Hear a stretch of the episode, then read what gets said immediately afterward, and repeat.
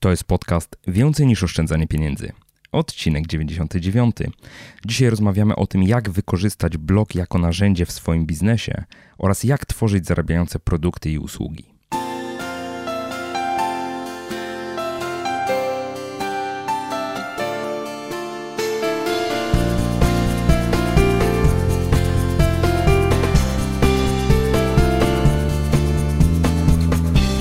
Cześć dzień dobry. Witam Cię w 99. odcinku podcastu Więcej niż oszczędzanie pieniędzy.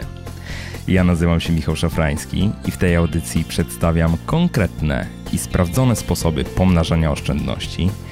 Opowiadam, jak rozsądnie wydawać pieniądze i jak odważnie realizować swoje pasje i marzenia. Jeśli tylko szukasz odrobiny stabilizacji finansowej i emocjonalnej w swoim życiu, to ten podcast jest dla Ciebie.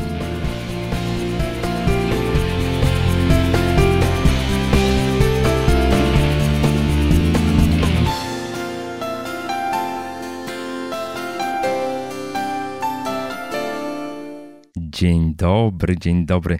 Rok temu, dokładnie rok temu podczas występu na Blog Conference Poznań, takiej konferencji blogowej, pokazywałem badanie przychodów blogosfery za rok 2015 w ramach mojej prezentacji.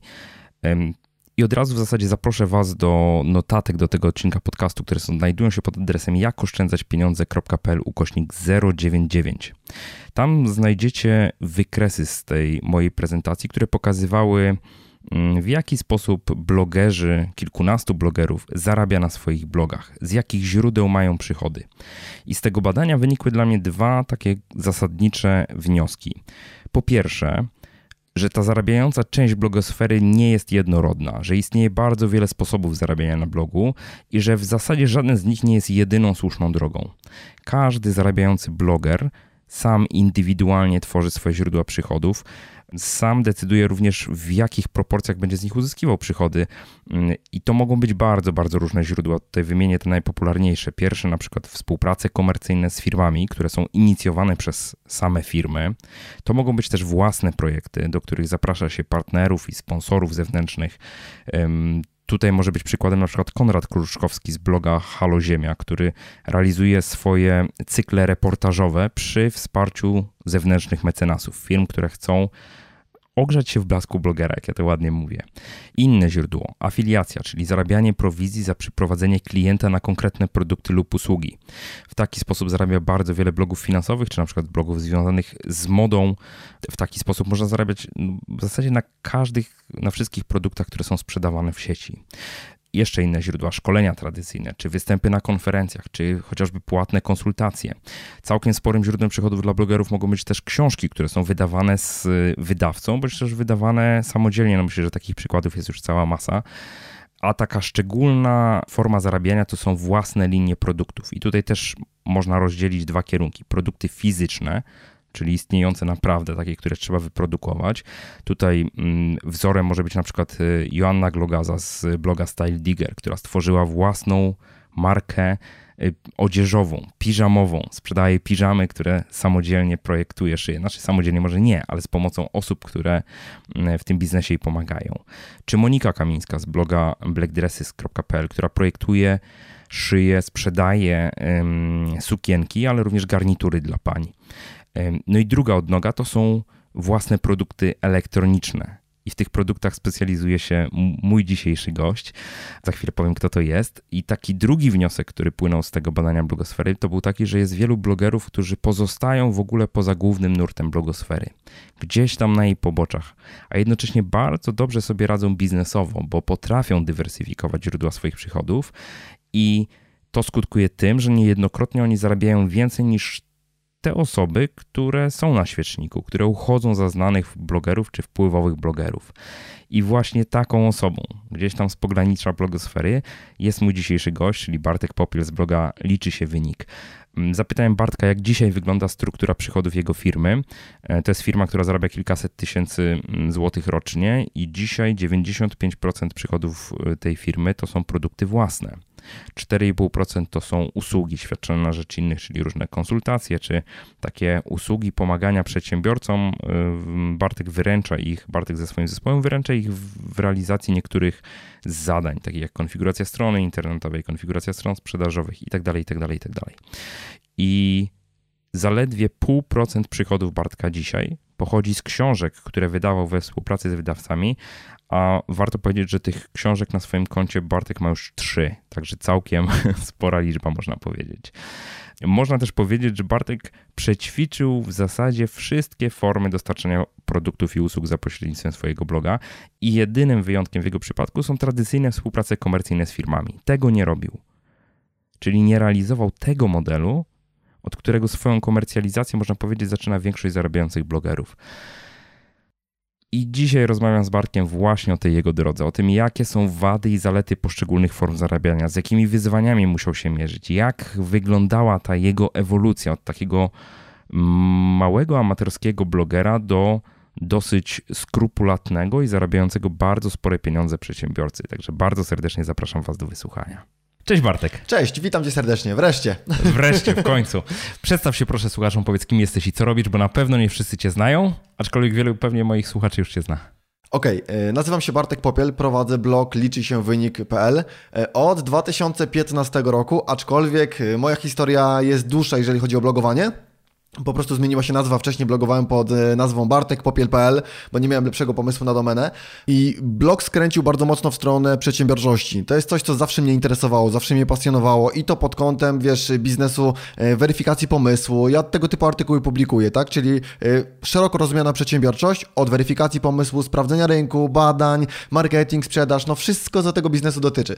Tak, zdecydowanie. I też ja dodam dla tych osób, które nas oglądają w tej chwili na YouTubie albo słuchają w trakcie trakcie podcastu, że ty jesteś takim przedstawicielem bardzo nietypowego kierunku ewolucji w blogosferze, można powiedzieć, bo przez bardzo długi czas byłeś osobą, która można powiedzieć w tym mainstreamie blogosfery w ogóle nie brała tak udziału. Tak robiłeś gdzieś tam, prowadziłeś blog, ale robiłeś jakąś tam swoją pracę z boku.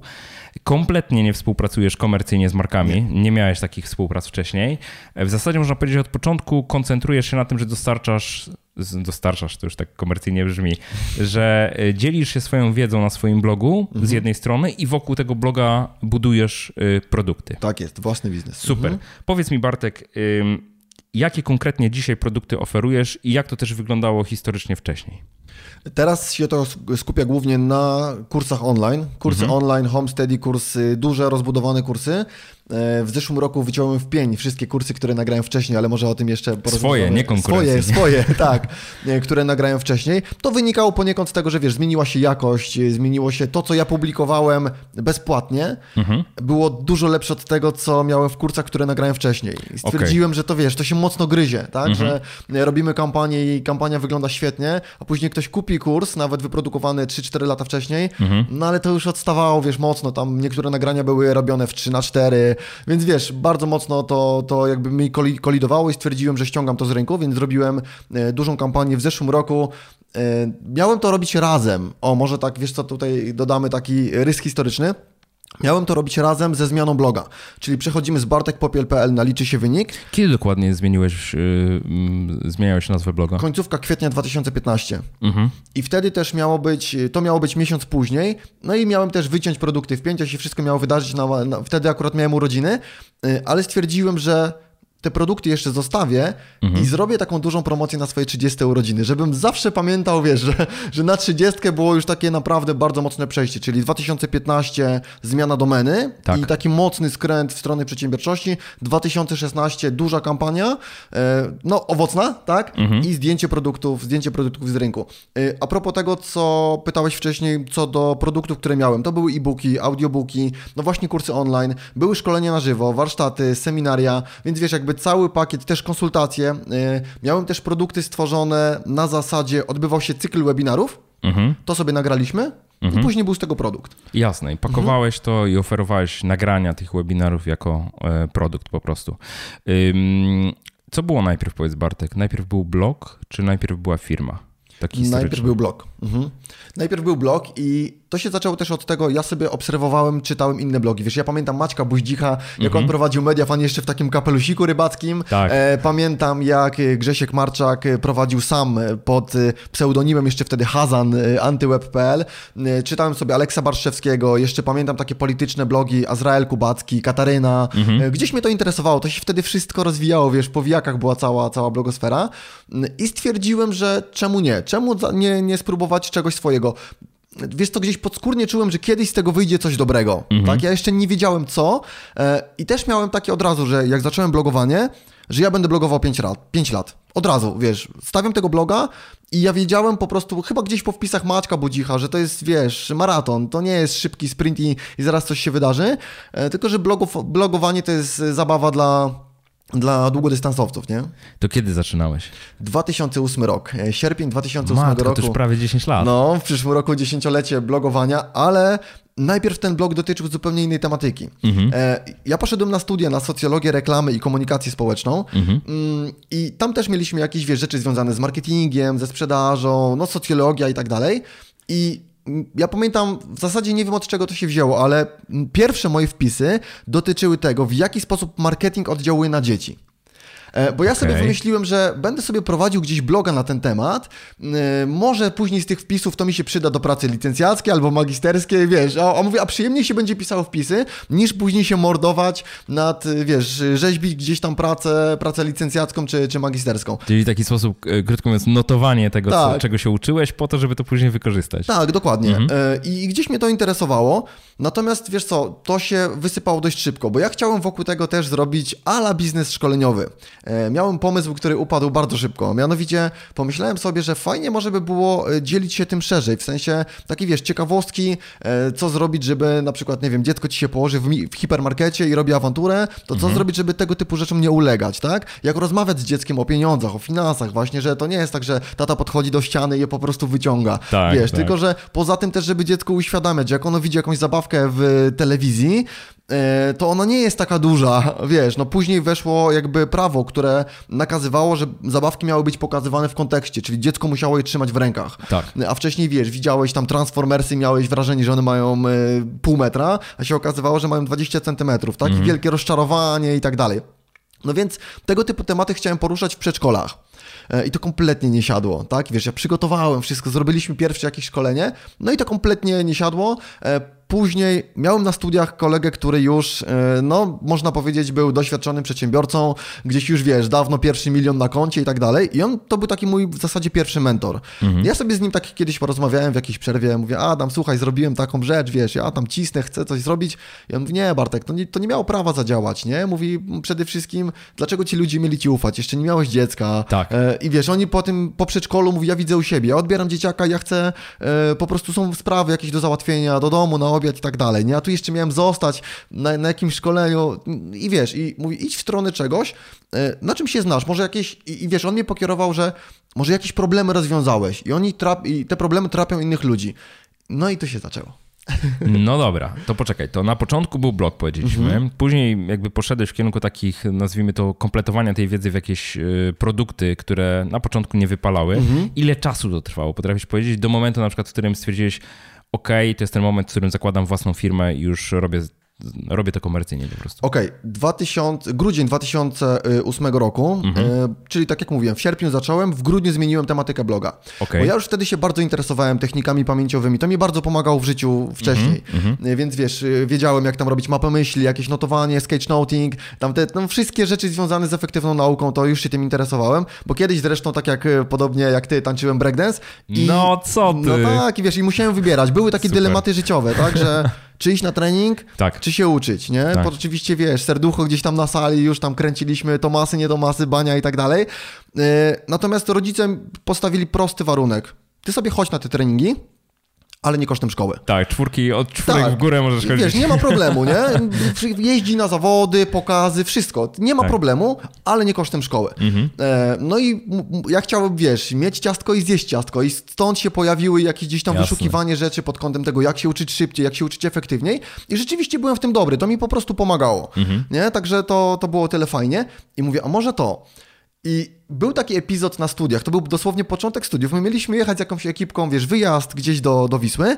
E, I jeden znajomy mówi: Nie, słuchajcie, ja nie jadę, bo nie mogę, bo mamy tam jakiegoś kolosa, ja nie jestem do tego przygotowany. I wiesz, zaczyna jakieś marudzenie.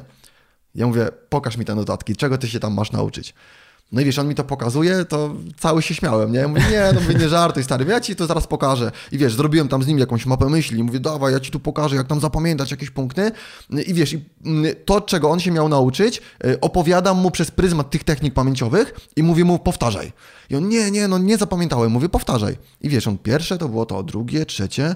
I nagle, wiesz, widzę, że kolory mu się zmieniają na twarzy i ja zapamiętałem, wiesz, to on był w szoku, że mówi, jakie to jest proste. I zadał mi pytanie, które zmieniło wszystko. Mhm. Czemu ty tego nie robisz za pieniądze? No właśnie, no właśnie. I co? I wtedy zacząłeś pakować. I wtedy, wiesz co, zaczęło się jeszcze nawet nie produkty, tylko wróciłem do domu i zacząłem szukać szkoły szybkiego czytania, czy gdzieś może... Yy, I wtedy połączyłem siły ze szkołą Tubaj, oni dalej działają, firma z Bolesławca. Czyli szukałeś konkurencji, krótko mówiąc w temacie? Nawet nie tyle. Chciałem być, otworzyć jakby swój punkt, czyli okay. tak jakby franczyzę, mm -hmm. tak? Mm -hmm. I dołączyłem do nich. I na początku działałem właśnie pod szyldem, znaczy od nich brałem materiały, mm -hmm. tak? U nich sobie zrobiłem kurs trenerski i tak sobie z nimi współpracowałem przez dwa lata i po dwóch latach otworzyłem e, własną działalność. Mhm. Własną działalność, ale w oparciu o ich materiały, czy własną działalność już w oparciu o swoje? W oparciu o ich materiały, bo wiesz, miałem e, umowę o zakazie konkurencji, więc Jasne. nie mogłem jeszcze działać na, na swoim, aczkolwiek wprowadzałem do tego, bo wiesz, ja się cały czas uczyłem w temacie. Mhm. E, śledziłem jakieś tam materiały wideo, szukałem sobie książki, nie książki, e-booki, więc e, część rzeczy, która była w ich materiałach, to no powiem szczerze, pomijałem. Tak. tak? A dawałem rzeczy, które wiedziałem, że będą miały, miały lepsze przełożenie mhm. przy pracy z tymi kursantami, że oni po prostu osiągną lepsze efekty. Jasne. I to było super. I wiesz, zacząłem od szkoleń grupowych i blog mi pomagał, bo ja na blogu już pisałem o efektywnej nauce, ale to nie było tak, że ja sprzedawałem przez bloga, czyli że ktoś czytał bloga i trafiał do mnie na szkolenia, mhm. tylko to było tak, że ja kiedyś miałem taką domenę, której po prostu kiedyś nie przedłużyłem, szybka nauka edu.pl i pluję sobie w brodę, o, bo ona by mogła być dzisiaj y, warta sporo pieniędzy. Aczkolwiek to była moja strona firmowa mhm. i ona była świetnie wypozycjonowana, jak ktoś wpisywał szybkie czytanie Katowice, szybka nauka Katowice, Mysłowice, wiesz. Więc y, w tym się tam bawiłem, y, samodzielnie tam tą stronkę udało mi się wypozycjonować, ale ten blog bardzo pomagał, bo on był tam podpięty i po prostu jak ktoś sobie wchodził i wiesz, przeskoczył na blog, to widzi jeden artykuł, drugi, komentarze, coś tu się dzieje, jakieś ja tam pierwsze wideo robiłem, wiesz, coś tłumaczyłem, y, więc jak ci ludzie dzwonili, to oni od razu wiedzieli, kto, wiesz, kto jest po drugiej stronie słuchawki. Tam, a, panie Bartku, my tutaj czytamy te artykuły i tak dalej, e, tak, i tam my chcemy pana. Wiesz... Czyli, krótko mówiąc, blog ci robił de facto ten pierwszy etap sprzedaży, tak? Tak. Filtrował ci klientów z jednej mhm. strony, a z drugiej strony no, mm, umożliwiał to, że ktoś wiedział, co ty robisz. Tak, i, i też uwiarygadniało to wszystko, nie? Bo gdzieś, wiesz, te mhm. komentarze pod spodem, że Bartek, super, yy, przetestowałem to na sprawdzianie i zadziałało, więc wiesz, jak tam jakaś mama chciała kurs dla dziecka i przeczytała kilka komentarzy takich pochlebnych na temat jakiejś tam techniki, no to tak. bierzemy tego gościa, nie? Tak, no prawdziwy przedsiębiorca, można powiedzieć. Znaczy, trochę zaczynam rozumieć teraz, dlaczego nie poszedłeś tą ścieżką standardową blogosfery, mhm. bo w zasadzie to było na tyle wcześnie, że jeszcze nie było tych takich tak. e, spopularyzowanego modelu typu współpracy komercyjne z firmami i tak dalej. No to się zaczęło jednak dużo później. Ty zaczynałeś z firmą mówisz 2010 rok, tak? 2011. 2011. Mhm. No właśnie, no to pięknie, pięknie. Dobra, czyli prowadziłeś w ramach e, tej e, edukacji, tej współpracy, tej franczyzy, mhm. prowadziłeś szkolenia grupowe, z tego co tak, rozumiem. Tak, tak. Ale wiem, że, wiem też, że masz na koncie szkolenia indywidualne. Dokładnie. I to wyszło z przypadku. Mianowicie mhm. pewnego dnia dostałem telefon, Panie Bartku, kiedy się odbywają te szkolenia? No i ja mówię, no tam każdy wtorek, czwartek od godzinie 16 e, do, do 17.30.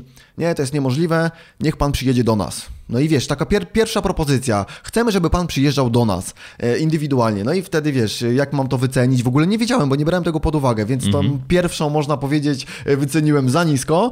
E, no bo to jednak wiesz, przez 7 tygodni do kogoś dojeżdżałem indywidualnie dwa razy w tygodniu, e, ale posypało się, znaczy ja później to było, to był rdzeń mojego biznesu. Ja zrezygnowałem ze szkoleń grupowych mhm. na rzecz indywidualnych, bo ja trafiłem w taką grupę lekarze, prawnicy, jakaś pani architekt i to wszystko szło z polecenia. Dobrze sytuowaną. Tak, no tak, wiesz, ci ludzie sobie bardzo cenią czas, więc mhm. zawożenie dziecka na drugi koniec miasta i nie wiadomo co, bo tak, nie wrócisz, bo ci się nie opłaca. Przyjedziesz, wypijesz herbatę, trzeba jechać drugi raz. Tak. Więc bez sensu. Czekać tam te półtorej godziny, no dzisiaj no to bardziej, bo wiesz, wszędzie internet, laptop na kolana robić, i możesz coś sobie zrobić. A wtedy było inaczej y, I, i, to było przepiękne środowisko. Ja ani złotówki nie wydałem wtedy na reklamę, wszystko szło z polecenia. Mhm. E, działało to naprawdę, a ja też dużo jakby robiłem właśnie y, w tym sensie, żeby być polecanym, żeby nie wydawać na ten marketing, więc znowu zagłębiałem się w wiedzę, jak mieć więcej klientów z polecenia. Wiesz, ja robiłem rzeczy typu, kończył się kurs, ja do ludzi szedłem z tortem, nie? Tego nikt nie robił. To były, wiesz, takie rzeczy w Stanach, to może ktoś, ja szedłem z tortem, na tym była taka książka e, narysowana,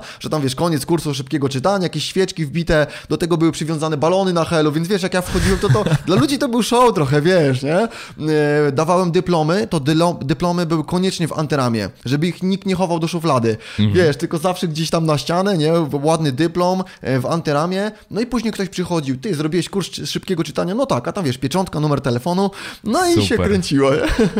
Super. No pozyskiwanie klienta ekstra mhm. po prostu. Jakie jeszcze inne techniki stosowałeś?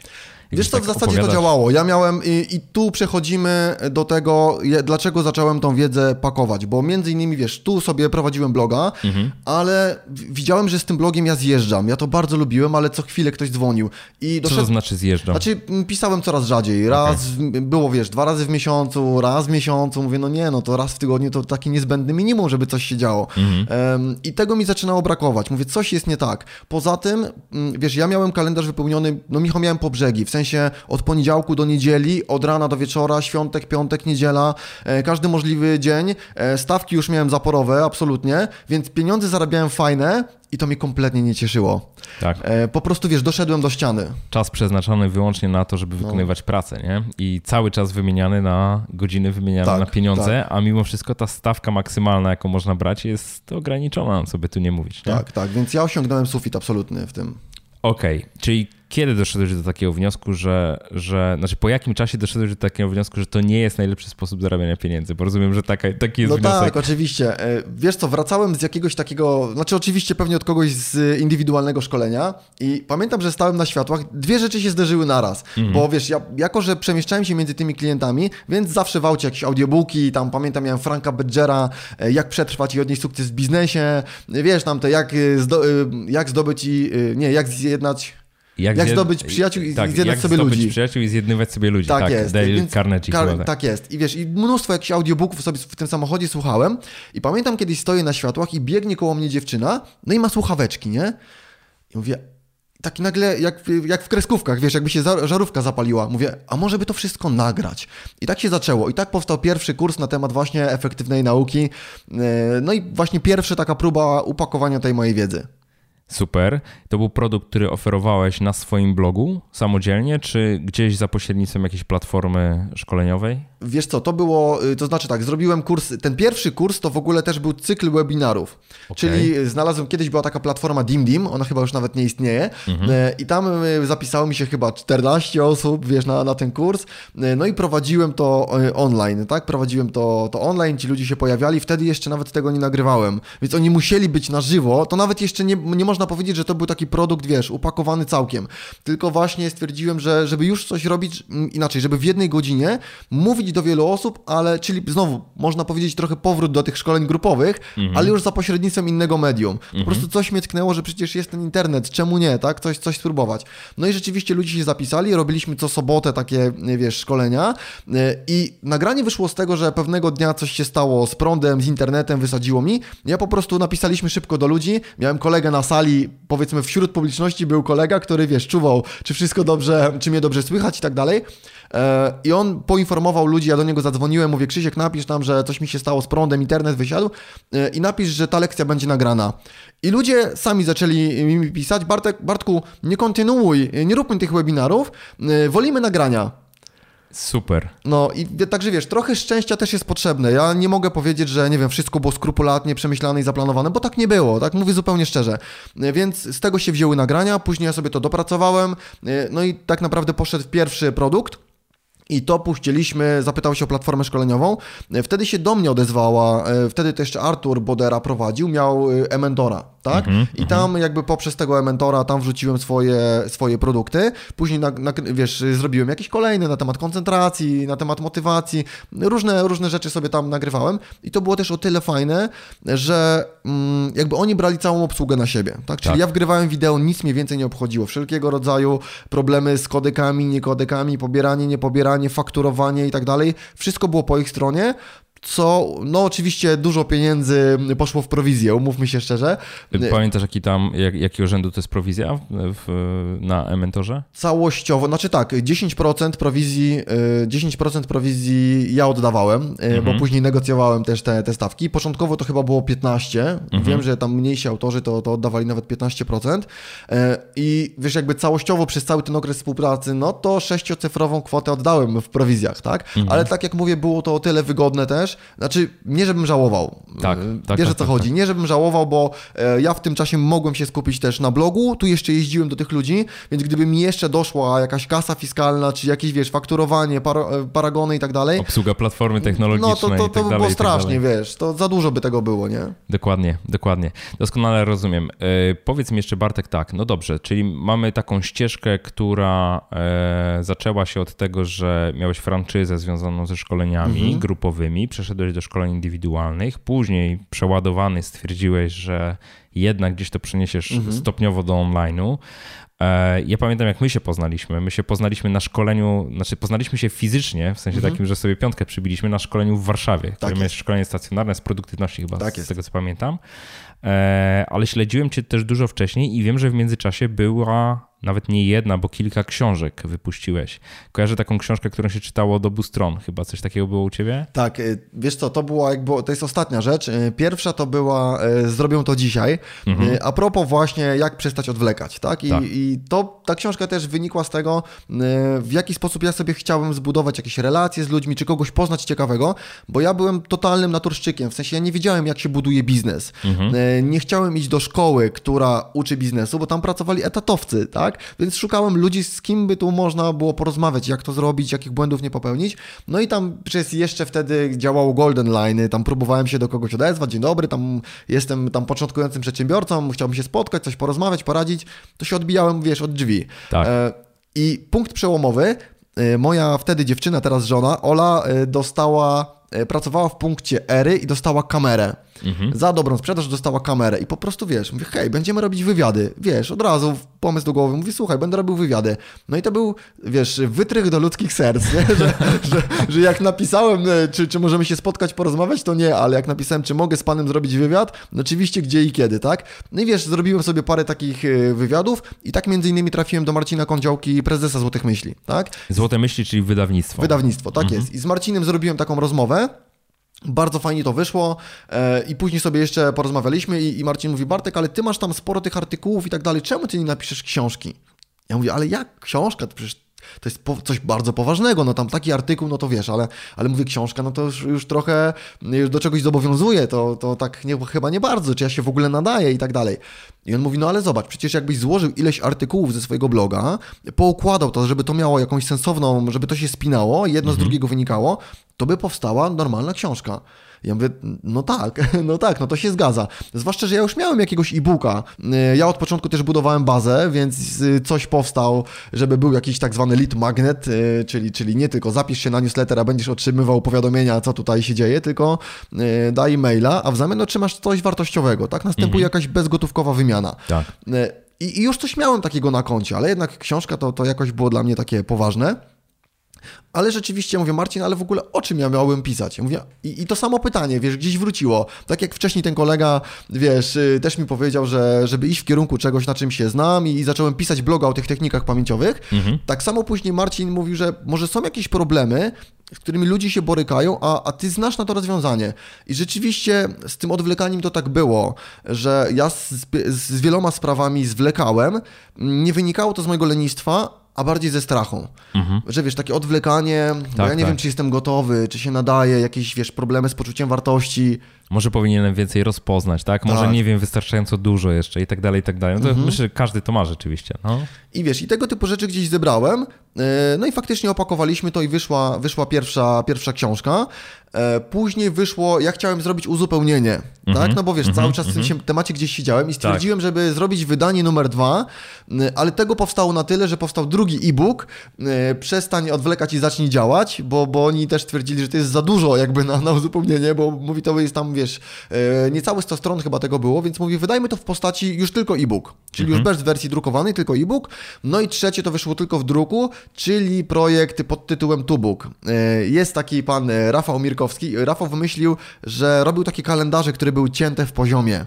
Mhm. Że to tam pomaga w produktywności i tak dalej, wiesz, że on to połączył z metodyką GDT jeszcze, tak wiesz, wszystko jakoś ładnie opakował i odezwał się do wydawnictwa czy nie mają kogoś, kto by chciał w tym formacie napisać książkę. Mhm. No i Marcin do mnie, słuchaj, Bartek, jest taki temat, może chciałbyś napisać książkę o produktywności i książka jest zrobiona też w taki sposób, żeby ją się łatwiej przerabiało, ona ma tam zakładki powycinane, u góry będzie streszczenie i tak dalej. Ja wtedy byłem zarobiony na maksa, mówię, Marcin, nie mam teraz czasu i tak dalej. No i Marcin zadał, wiesz, powiedział jedną rzecz. Bartek, ale będziesz pierwszy na świecie, który, który zrobił taką książkę. Mówię, no dobra, fajnie. Mówię, gdzieś, wiesz, takie Y, taka ciekawostka, mówię, zawsze gdzieś tam się będę mógł tym y, pochwalić, że jestem pierwszym autorem tubuka na świecie, tak? Coś, coś takiego. Y, żaden inny tubuk już nie powstał, chociaż były bardzo ambitne plany i tak dalej, ale mimo wszystko książka jest fajna, wartościowa pod kątem treści. Do tej pory dostaję maile, że, że ona bardzo jest ludziom pomocna, no więc fajnie. Wytłumacz, na czym polega yy, szczególność tego tubuka. Mhm. Wiesz to książka jest podzielona w poziomie. Powiedzmy, że w jednej trzeciej... Przecięta, rozumiem, Tak, jest przecięta. Mhm. No i na dole mamy treść główną, treść zasadnicza książki, mhm. a u góry masz takie pigułki, że masz takie zakładeczki, na przykład tam poranne wstawanie. Yy, przechodzisz sobie na to poranne wstawanie i tam zrób to, to, to, to i to. Gdybyś chciał więcej, no to rozdział a propos porannego wstawania zaczyna się na stronie 67 na przykład, nie? Jasne. Czyli wiesz, u góry masz tylko taką pigułkę, chcesz sobie wrócić raz na jakiś czas, czujesz, że ta produktywność siada, ok, biorę sobie tego tubuka, przeglądam, wiem co mam robić, a jak chcę doczytać, to, to od razu jestem kierowany na odpowiednią stronę. Super. Dużo książek sprzedałeś? Wszystkiego łącznie poszło ponad 12 tysięcy. Czyli tu mówimy to, to o... To są trzy książki w gruncie rzeczy, tak? Tak, tak. Mhm. Czyli gdzieś średnio po 4000 na, na egzemplarz. Super, bardzo fajnie. Jak na osobę, która jest totalnie debiutująca, świetne, absolutnie świetne wyniki, nie? Tak, y, no tu bez wątpienia pomógł też blog. Tak, pomógł, pomógł blog, y, pomogło też wydawnictwo, może jakieś masz pytania w tej kwestii?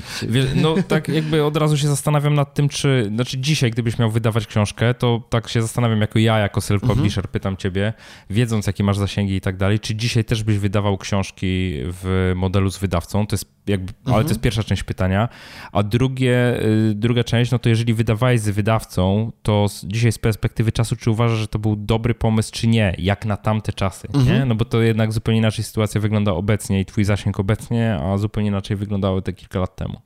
Okej, okay. zacznę od tego drugiego pytania. Mhm. Y, na tamte, uważam, że to była dobra decyzja, absolutnie nie żałuję, mhm. tak? Wiesz, znałem się z Marcinem, oni mnie pokierowali, jak to powinno być zrobione. Też pomogli mi pod kątem promocyjnym, bo oni wtedy też byli bardzo, e, robili dobrą robotę. Jako bardzo dobry zasięg w internecie tak, mieli. Też mieli świetne zasięgi, powiedzieć. budowali listy, mm. mieli te listy posegmentowane. E, wiesz, dostałem dużo informacji pod kątem tego, jak można to dobrze sprzedać. Ja dołożyłem jakąś swoją wiedzę i dlatego też ta, ta, tak naprawdę z tych 12 tysięcy to przypuszczam, że około 8 tysięcy to jest ta, ta pierwsza książka, tak? Tak. Więc pomogli mi to sprzedać i to też zrobiło zasięgi. To też, wiesz, udało, mm, to spowodowało, że ja dla wielu osób w ogóle zaistniałem na radarze, Dokładnie. że jest taki ktoś jak Bartek Popiel, więc absolutnie nie żałuję. Może, wiesz, z perspektywy finansowej faktycznie na, na tej książce nie zarobiłem jakichś fenomenalnych pieniędzy, ale długofalowo uważam, że to była bardzo dobra decyzja, jak na tamte czasy, jak na moje zasięgi, na to, co się wydarzyło później. Mhm. No to mhm. wiesz, ja do tej pory tak czasami pół żartem, pół serio, ale mówię o Marcinie, że to jest trochę taki ojciec chrzestny, wiesz, mojego, mojego sukcesu też, no w cudzysłowie, tak? Że, że naprawdę gdzieś to bardzo pomogło y, wybić się, mm, że zaistniałem u osób, które istniały się tym, znaczy interesowały się rozwojem osobistym, no ale nie mieli pojęcia o kimś takim jak, jak Bartek Popiel. Ja też powiem tak z mojej perspektywy, jak mhm. to wyglądało, bo y, w, ja pamiętam, że owszem, blog poczytywałem i to dla mnie było coś takiego bardzo fajnie interesującego i tak dalej. W ogóle cały ten model, który ty miałeś, że ty mhm. właśnie potrafisz swoją wiedzę opakować, no to, to było coś, co mnie jakby było dla mnie strasznie inspirujące, bo to był taki moment, kiedy ja rzeczywiście zastanawiałem się, w jaki sposób tutaj to, co ja mam do zaoferowania, rzeczywiście e, w jaki sposób próbować na tym zarabiać, bo nie miałem pomysłu, jak zarabiać, jakby miałem przeświadczenie, że ten pomysł prędzej czy później znajdę. Nie? Mhm. To taka jakby ślepa wiara w to, że, że jesteś na dobrej drodze, tylko jeszcze nie do końca wiesz, czy, czy trzeba iść prosto, czy skręcić gdzieś tam w prawo, czy w lewo. Nie? I teraz wracając do książki twojej, to pamiętam, że książka ta pierwsza była czymś takim, co y, rzeczywiście cię mocno uwiarygodniło wtedy w moich oczach, w tym sensie, że to jest facet, który rzeczywiście coś tam sobie dłubie w internecie na temat produktywności i tych wszystkich takich rzeczy typu szybkie, szybkie czytanie mhm. i tak dalej, i tak dalej. Nie oszukując, znaczy nie, nie, jakby nie, nie, nie kłamiąc, nie byłeś jedyną taką osobą w internecie. Wręcz można powiedzieć, że bardzo wiele osób, tych, które się tematem produktywności, czy takiego szeroko rozumianego rozwoju osobistego, mhm. startuje od tej tematyki właśnie typu szybkie czytanie i tak dalej, nie? E, no ale ty byłeś taką osobą, która nie dość, że napisała jedną książkę, to niewiele później napisała drugą książkę i samo to, że Złote Myśli rzeczywiście tak intensywnie was, mm, już mówię was, ciebie promowały w gruncie rzeczy, tak? W sensie twoje, mhm. twoje produkty promowały, to też coś jakby pokazywało to, że no jesteś osobą, która prawdopodobnie z kolei z ich perspektywy jest osobą wartą inwestowania ich energii, czy tej twoje produkty mhm. mają szansę się dobrze sprzedawać. I pamiętam, że rzeczywiście jednym z powodów, dla których się wtedy na tym Extreme Product, Product, Productivity po, pojawiłem w Warszawie, to było takie szkolenie w Warszawie, chyba zimą jakoś, nie? Tak, styczeń 2014 roku. Dokładnie tak, czyli szmat czasu temu, tak, trzy lata temu ponad. Mhm. To to, to ja już cię wtedy dosyć dobrze znałem z internetu, z, z, jednej strony, a z drugiej strony rzeczywiście no, chciałem jakby zobaczyć cię osobiście. Zresztą umówiliśmy się, pogadaliśmy tak po tym szkoleniu i tak dalej, bo z kolei pamiętam, że, ale to nie będę uprzedzał, to, to może inaczej. Zadam teraz kolejne pytanie. Mhm. czy tak, książka jest kolejnym produktem, który wypuściłeś. Jakie były jeszcze następne produkty? Mhm. Wiesz to jeszcze wrócę do tego pytania, czy dzisiaj bym zrobił... A, no właśnie. czy dzisiaj bym... Czy dzisiaj byś wydawał dzisiaj samodzielnie, bym, czy z wydawcą? Wiesz to ty zrobiłeś wyłom, tak? Zrobiłeś absolutny wyłom wyłom e, i ja jestem taką osobą, która e, lubi też eksperymentować mhm. E, i wiem, że to by kosztowało mnie masę pracy, ale chciałbym iść teraz tą twoją ścieżką, tak sprawdzić.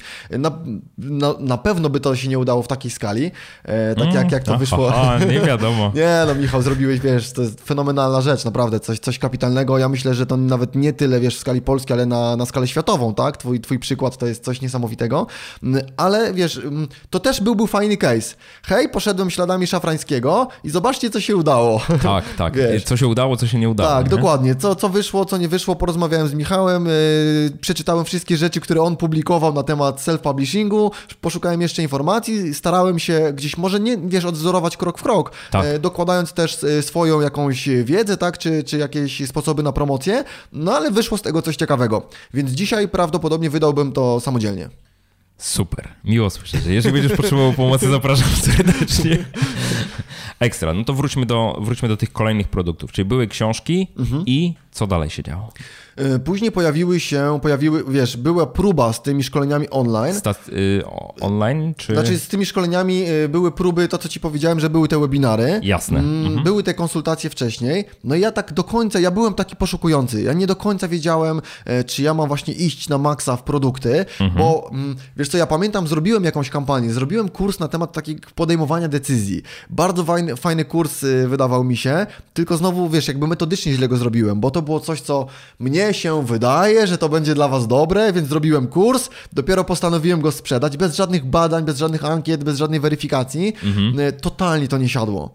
E, ja się wtedy przestraszyłem trochę, czy to jest na pewno dobry model. Czy warto inwestować tak. energię w te kursy? E, I gdzieś poszedłem właśnie, wiesz, w, w to, żeby zrobić coś na żywo. I mhm. rzeczywiście jak ruszyłem z pierwszymi jakimiś rzeczami na żywo, no to zapisy moment, tak? Na początku to były jakieś tańsze takie spotkania. Ja zrobiłem taki cykl spotkań, taką objazdówkę po Polsce. To kosztowało tam 50 albo 100 zł.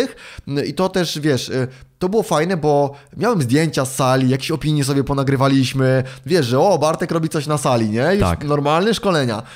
No i później jakby już ruszyła cała ta seria, na której my żeśmy się też poznali. Tam było 8 szkoleń w tym pakiecie. Zaczynało się to właśnie od Extreme Productivity, ale tam już, wiesz, mądrzejszy jakby o, o, gdzieś doświadczenie biznesowe, stwierdziłem, że ja to będę robił na sali, E, bo tak się robi też szybciej.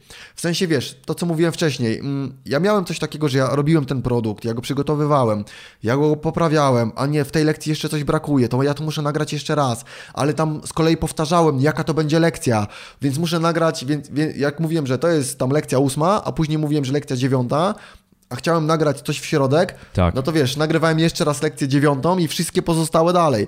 I to było męczące. Więc stwierdziłem, że takim czymś, co mnie zmusi do przygotowania dobrego, mówię jak już tak, powiem ludziom, że jest sala, że jest termin, jaka jest tematyka, będzie oferta i oni mi się zaczną zapisywać, to ja już nie mam wyjścia. Nie masz wyjścia, musisz już to Wszystko zrobić. musi być przygotowane dokładnie na tip-top, tak, nie? Dokładnie tak. E, więc tak to przygotowywałem i też jakby w zamyśle miałem, żeby tak to szkolenie na sali poprowadzić, żeby nagranie z tego było fajne do pocięcia, że jak mhm. później będziemy sprzedawali nagranie, to żeby ono też było strawne, e, mhm. żeby to się dobrze Jasne. oglądało, żeby było podzielone na, na taką tematykę, więc tu już chcia, chciałem jakby, wiesz, mieć dwie pieczenie na jednym ogniu. No i zrobiliśmy rzeczywiście całą taką tematykę, wszystko to było, wszystko to było nagrywane, później to, to sprzedawaliśmy. Tu Ci mogę od razu powiedzieć kulisy. Na tym szkoleniu, na którym my się poznaliśmy, e, przepraszam, to był 2015 rok, styczeń 2015 okay. roku, to tam ja niewiele zarobiłem. E, może nawet chyba zostało mi w kieszeni na czysto po opłaceniu, bo ja tam wziąłem też kamerzystę, tak. była dziewczyna, która pomagała w administracji, brała płatności i tak dalej, opłacenie sali, e, paliwo, podatki, zostało mi chyba 1700 zł. Mhm. Ale uznawałem, że jak na jeden dzień pracy, więc w sumie całkiem nieźle. Nie liczyłem jeszcze, wiesz, czasu pracy, tego nie policzyłem. Ale poczekaj, tam była mhm. na sali całkiem sporo osób, to trzeba też powiedzieć. Ile tam było osób wtedy, pamiętasz? Wiesz co, tam było 50, 50 osób. Mhm. Za, chętnych było więcej, ale jakby już no, sala nie, nie mieściła, więc mhm. 50 e, osób było, było na sali. E, tak jak mówię, na czysto niecałe, dwa, niecałe 2000 zł, jakiś tam nocleg był jeszcze do opłacenia, to tamto, siamto, ale nagranie z tamtego szkolenia sprzedaje się po dziś dzień, no i na nagraniu zarobiłem 220 tysięcy. Pięknie. Znaczy aż mnie zatkało. ładnie, no. bardzo ładnie. Bardzo dobry wynik, niesamowicie. E, dobra, i co? Następny krok to. Pamię I pamiętam, to może teraz dygresja mhm. będzie. Pamiętam, że wtedy na tym szkoleniu ci powiedziałem, jak żeśmy rozmawiali, zadałem ci takie pytanie, czy ty uważasz, że to się skaluje? Nie? Mhm. W, czy ty uważasz, że te szkolenia stacjonarne rzeczywiście to jest coś takiego, co warto robić? Bo patrząc z mojej perspektywy, to jest coś takiego, czego ja mimo wszystko staram się unikać, mhm. dlatego że e, znowu, no to jest jeden do jednego, albo jeden do 25, albo jeden do 50, mhm. albo jeden do 200, tak? Ale więcej tych osób na sali nie będzie, żeby te szkolenia były efektywne, to musi być ich mało po prostu. No a z drugiej strony to jest czas, nie? I pamiętam, że ty wtedy powiedziałeś, tak, właśnie po to to nagrywamy. Mhm. I też powiedziałeś, że ale plany są szersze, większe. Nie? Tak jest. Tak no, jest. to powiedz, co jeszcze się wydarzyło po tych szkoleniach, które były stacjonarne, bo dzisiaj szkoleń stacjonarnych chyba już nie robię. Nie robię. Nie, nie, nie. Skończyłem tamten cykl. Miałem nawet w zamyśle powtórzyć jeszcze raz tą kolejkę, bo ludzie się pytali, Bartku, ja się nie dostałem na pierwszą edycję Extreme Productivity, czy będziesz robił ponownie to szkolenie?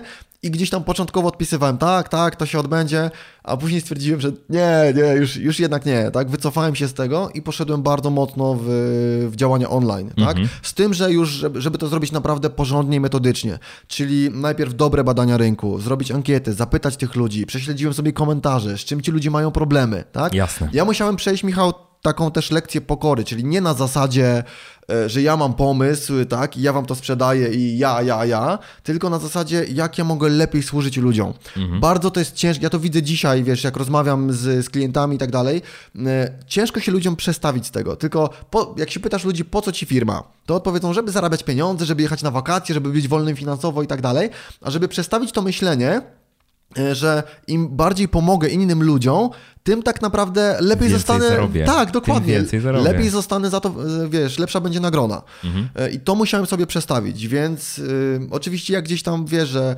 byłem, tak jak mówię, ego, wiesz, milion na zasadzie, po co ja będę robił badania, Steve Jobs nie robił badań, wiesz o co chodzi, nie? Takie naprawdę pewne rzeczy mnie, mnie gdzieś tam zjadały i to te tematy trzeba było sobie przepracować. Mówi nie, zrobić to porządnie, metodycznie, zapytać ludzi, ankieta, później jakaś, wiesz, wstępna kampania, no i widziałem że to siadło, tak? Gdzie zrobiłem pierwszą kampanię, e, która była przygotowana no, słabym sprzętem, jak na, na dzisiejsze, to, co, to jak nagrania robimy dzisiaj, a to jak robiliśmy wtedy, to jest, wiesz, niebo a ziemia, bo ja pierwszy kurs nagrałem e, już taki, wydawałoby się, z górnej półki, bo ja go sprzedawałem za 497 zł, tak? No więc nie najtańszy, nie najdroższy, no ale cena już nie taka mała.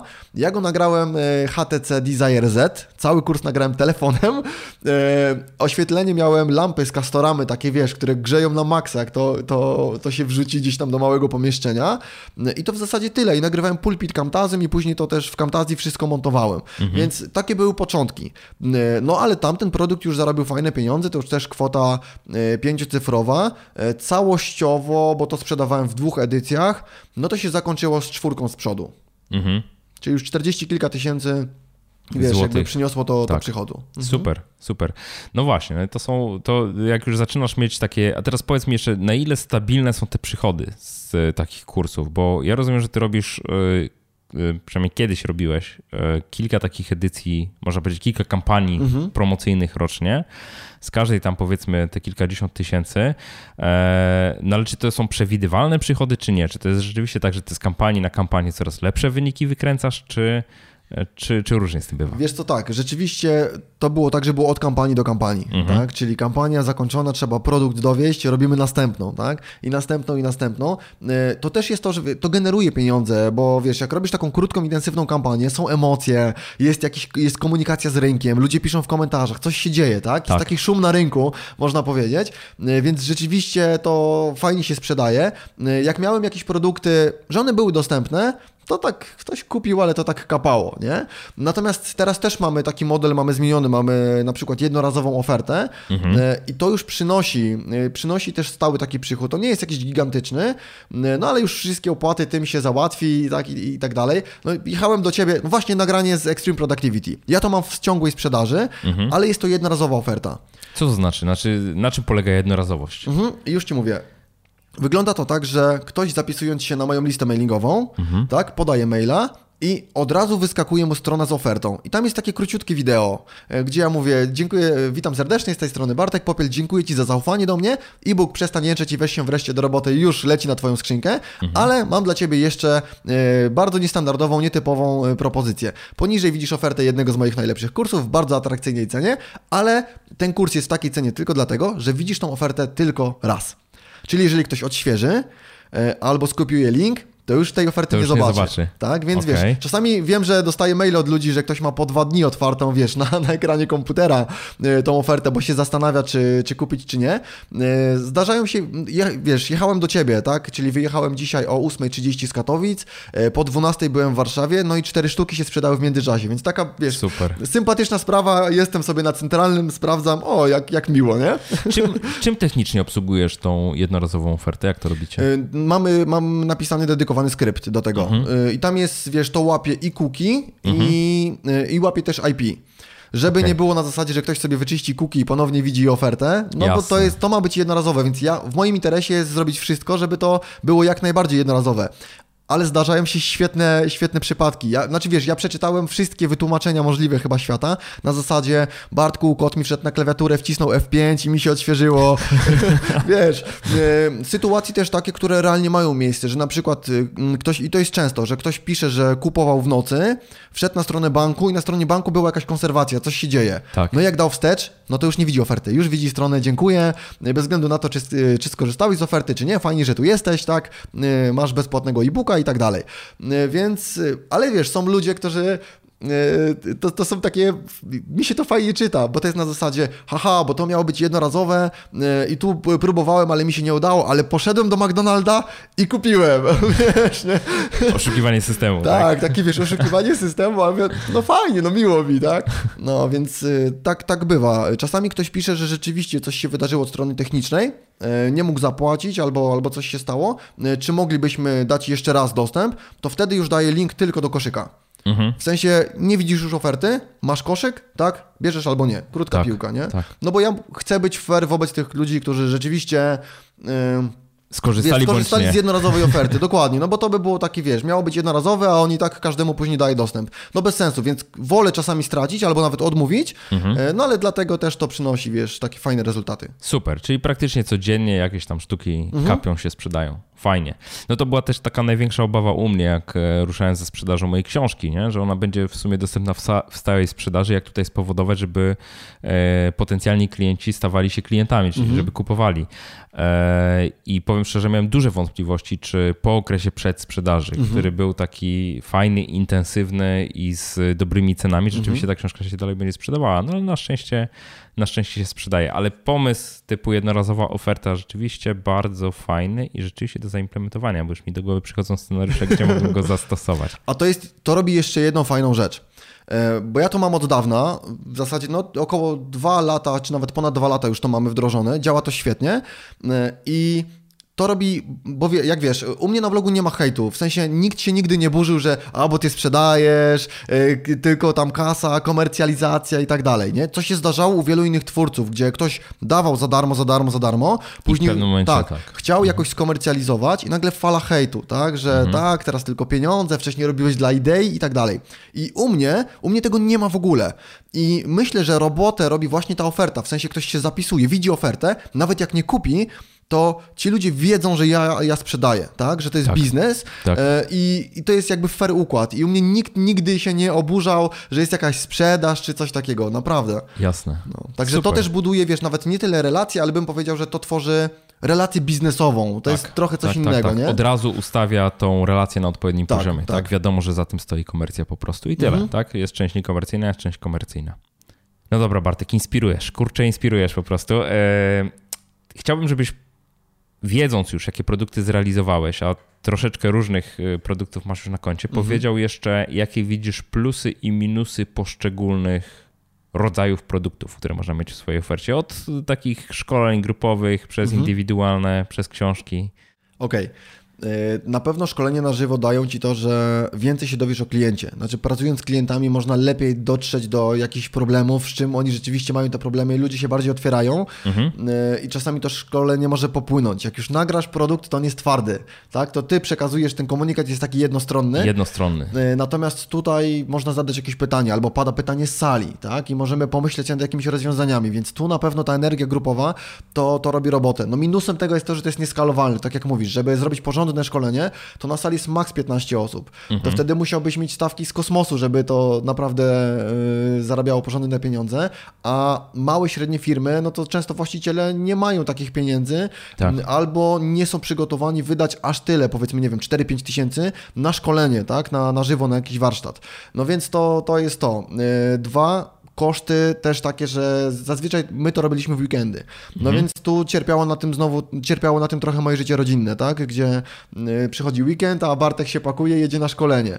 Więc to, to są, ale tak jak mówię, na sali są ludzie, więc to jest fajne. Można zrobić jakieś zdjęcia, można na pewno szybciej opinię weźmiesz, y, wiesz, na temat szkolenia, jak po prostu poprosisz o to na sali. Tak, od razu po szkoleniu, I nie? Ja uważam, że mimo wszystko, wiesz, to moje doświadczenie z sali y, bardzo się przydaje przy tworzeniu kursów, y, na, przy, przy produkowaniu kursów online. Mhm. Jednak to się przydaje, bo jak rozmawiałem z tymi ludźmi, czy później nawet w konsultacjach, no to wyciągasz te problemy, wiesz, co tam leży pod spodem, tak? Że to jest tak trochę jak z odchudzaniem. Ktoś chce zrzucić na, na wadze, to nie jest tak, że on chce po prostu schudnąć, tylko on chce schudnąć, bo on chce być bardziej atrakcyjny, e, tak, albo wiesz, że albo, nie wiem, wstydzi się iść na basen, albo jeszcze coś innego, albo żona ma tam, jest tam po 40 czy coś i ona chce zrzucić na wadze, nie dlatego, że chce, tylko widzi, że mąż się ogląda za młodszymi na przykład, nie? Wiesz o co chodzi. Ileś jest takich rzeczy pod spodem, których nigdy się nie dowiesz z ankiety. Tak. I też się tego nie domyślisz. Trzeba jednak ileś takiej pracy, no po prostu twarzą w twarz y, przeprowadzić, tak? Czy... Więc ja uważam, że to jest dobra droga, żeby mimo wszystko, nawet jak ktoś ma docelowo, chce robić kursy online, to wydaje mi się, że takie doświadczenie pracy z ludźmi gdzieś na sali jest dobre, tak? To tak. jest tak, jak wy robiliście też konferencję finansową, tak. czy ty się gdzieś pojawiałeś, to jednak zawsze na takich konferencjach na żywo, nawet jeżeli się, to jest typowo konferencyjne, czyli mamy ogromne audytorium, 200-300 osób, to i tak jak się rozmawia później z ludźmi w kuluarach, a zresztą tam często najciekawszych rzeczy się można dowiedzieć, tak, w kuluarach, i ktoś podejdzie i się zapyta, Michał, słuchaj, a ja mam taki problem, a jakbyś rozwiązał coś takiego, to nagle wow, nie? Tak, kolejny element, który gdzieś tam mógłby stanowić fragment tego szkolenia, nie? Y, od razu rozszerzę, bo taka myśl mi się pojawia, że Creative Life, nie? Szkolenia Creative Life to mhm. jest w sumie najlepszy sposób połączenia tych dwóch for, formuł, się mówi, dwóch formuł, chyba tak się mówi, nie? tak. Bo tak, z jednej strony jest y, sala, na której siedzi kilka osób, mhm. czasami kilkanaście, w zależności od szkolenia, ale zazwyczaj jest to kilka osób, tam pięć, osiem osób. I te osoby zadają konkretnie pytania tak. prowadzącemu, wchodzą w interakcję z nim, więc czegoś nowego my, jako obserwujący przez internet z kolei, bo te szkolenia są również transmitowane przez internet, mhm. nagrywane i też transmitowane na żywo przez internet. My się też czegoś możemy dowiedzieć, nie? jakby z perspektywy osoby, no, którą w zasadzie my jesteśmy jako mhm. oglądający, też możemy mieć jakieś pytania. E, a z drugiej strony rzeczywiście te materiały są zachowywane i one są dostępne później. Tak naprawdę Creative Life zarabia przede wszystkim na, na mhm. nich, nie? Na, na nagraniach, a nie na, na tym, że na żywo zrobił e, jakieś tam szkolenie. Tak jest. No i później, jak już mamy, wiesz, tą, tą wiedzę, jakieś doświadczenie, ileś właśnie, no, mamy takich rozmów za sobą, łatwiej jest nam później stworzyć produkt online. Tak. tak. To od razu takie pytanie, bo też y, dotyczące samych ankiet. Czy miałeś takie sytuacje na przykład, że dostajesz tak dużo informacji w ankietach, że nie jesteś w stanie jakby, że czuję, że wyrządziłeś sobie większe zło niż, niż nie pytając.